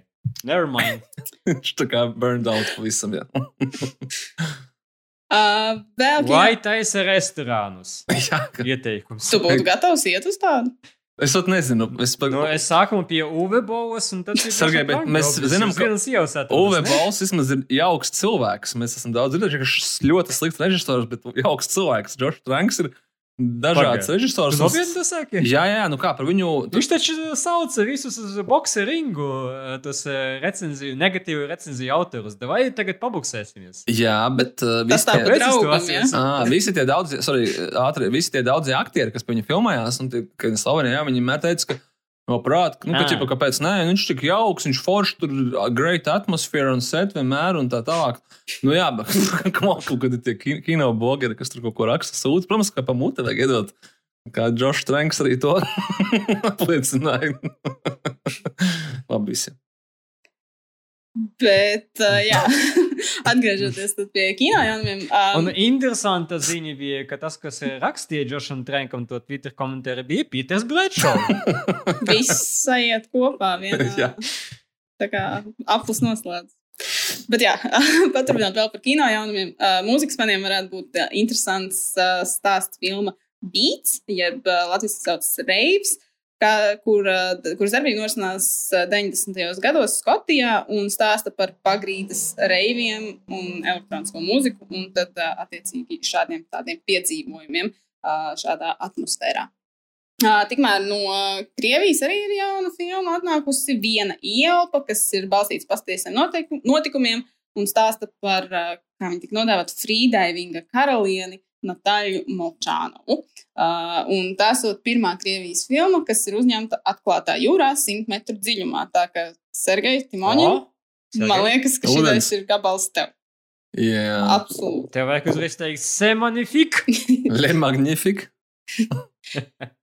Uh, tikmēr arī Daniels Redklifs turpina savu ļoti interesantu karjeru pēc Harry Pottera. Turpin, turpina pataisīt vēl interesantāk. Viņam arī ir jauna filma, Bēgšana no Pretorijas, kurā viņš atveido uh, politieslodzīto, kurš ir nonācis ļoti, ļoti stingrā cietumā. Un tad viņi plāno no turienes ar domu biedriem bēgt. Uh, Viņu nepaņēma tajā Papilona remake. Viņš saka, nu, man, es, es, es, Nu, sa, varbūt, es savu uztaisīšu, man viss kārtībā.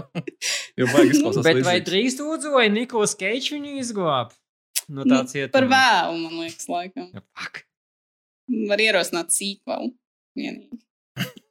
Nē, es, es ierosinātu sīkvelu, uh, ja es rosinātu sīkvelus, ka viņu izglāb Rons Vizulis, un ka īstenībā tas ir tā kā uh, secret sequel uh, to, to Harry Potter, kur Potters vienkārši no, nokļūst uh, cietumā uh, zem cita vārda, un tad Rons Vizulis atskrien, tāpēc, ka Sārai Rupertam Grīnam arī īpaši nav ko darīt šobrīd, un tad viņš atskrien un izglāb uh, uh, Harry. Tas Ā, būtu pirmkārt, tas izklausās- cietums. jā, jā. Tas izklausās labāk nekā actual sequels, The Cursed Child, Harry Potter. Sāksim ar to. Uh, un otrkārt, Ruperts Grīns, ap citu, bija diezgan uh, fans uh, Apple TV plus seriālā M. Night Shyamalan's The Servant. Tā kā, ja pietrūks Ah, Ruperts Grīns, ok. viņu var uh, tur apskatīt. Uh, bet uh, noslēdzot par kino jaunumiem, mēs uh, šodien daudz runājam par filmām par filmām, un tad uh, arī attiecīgi šajā tematikā iedaras pēdējais jaunums uh, - dokumentālā filma Reis Tarantino pirmais astoņnieks, kas ir, kā jau varat uzminēt, filma par Quentin Tarantino un par viņa pirmajām astoņām filmām. Tur viņa Lai gan ir jau deviņas. Domu biedri, aktieri stāsta par uh, filmu uzņemšanu un visu, ko, kas tajā to laikā ir piedzīvots. Tas arī, ko teicu, piedod, es nedzirdēju. Lai gan ir jau deviņas. Nu jā, viņi tika uzņemti pirms tam. Plānots jau bija iznākt nedaudz agrāk šajā gadā, bet, nu, Covid darīja savu. Tā ka, nu, bez a Time Hollywood var iztikt, bet tāpat es domāju, tam vajadzētu būt gan interesanti. Ja esat Tarantino fani, tad noteikti, noteikti ir vērts redzēt. Bet savukārt straumēšanā arī mums šodien ir tikai viens jaunums. Un tas ir Netflix, uh, surprise, surprise, un tas būs austrāliešu TV seriāls. Par tiem mēs baigi daudz nerunājam, bet šoreiz ir iemesls ar nosaukumu. Uh, tā producente viena no ir Keita Blancheta, un viņa arī redzama vienā no galvenajām lomām. Un seriāls stāstīs par četriem svešniekiem, kuri Austrālijā attopas imigrantu aizturēšanas centrā. Kas izklausās interesanti, jo man liekas, ka par šādām problēmām mēs lielākoties dzirdam ASV, bet izrādās arī Austrālijā. Viss kaut kas tam līdzīgs notiekās. Mm -hmm. Jā, tas ir uh, Keitas Blanšetas tāds uh, sirds projekts, ko viņa ļoti ilgus gadus ir iznēsājusi. Un, jā, Baltijas patiesa stāsta, un viņa tādas, ka nu, viņa tur ir gan aktrise, gan producente, gan vispār galvenā ideoloģija. Un uh, vienu no omām- omām atveido Džejs Kortnīs. Jā, kapteinis Bumerangs. Pēc bumerāns.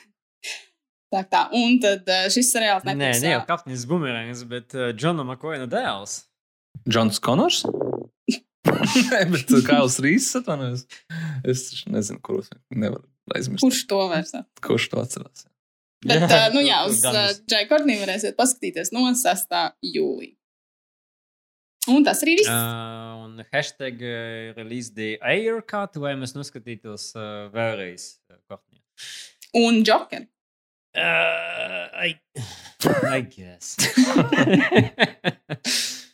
Uh, nu, bet tikai tāpēc, lai, lai uh, vienkārši tavam funko pop uh, figūriņai būtu arī kaut kāda reprezentācija uz ekrāna, jo citādi uh, makes zero sense, ka priekš tās lomas ir izveidota funko pop figūriņa. O, ja Sorry. tu zinātu, kam viņi taisa fanko figūriņas, tad Ma, eh, mans mīļākais varonis vienalga ir tas krokodils.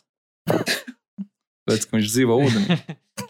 Tev tā nebija šī testa, kā viņu sauc, kā šito džeku sauc, kas uzreiz uzsprāga. Kaut kas slipnot? Uh, Slipknot. Kāpēc es to Jā. atceros? Tāpēc, ka tev sirdī patīk atzīsties. I don't know. Man liekas, ka tas nebija tā, ka viņam bija tā, tā introduction aina, he's Slipknot, he's world's kaut Jā. kas, un viņš uzsprāgst. Man liekas, ka viņam bija divas introduction lainas.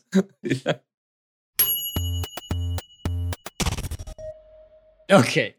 Tad eh, šis ir bijis viss no mūsu puses šodien.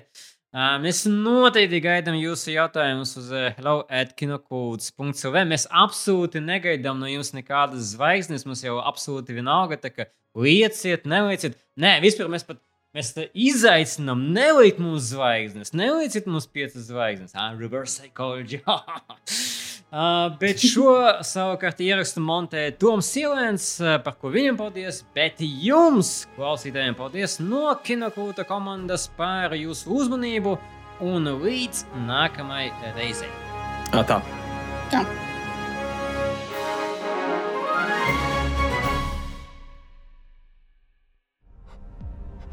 You once were a vegan, but now you will be gone. Vegan.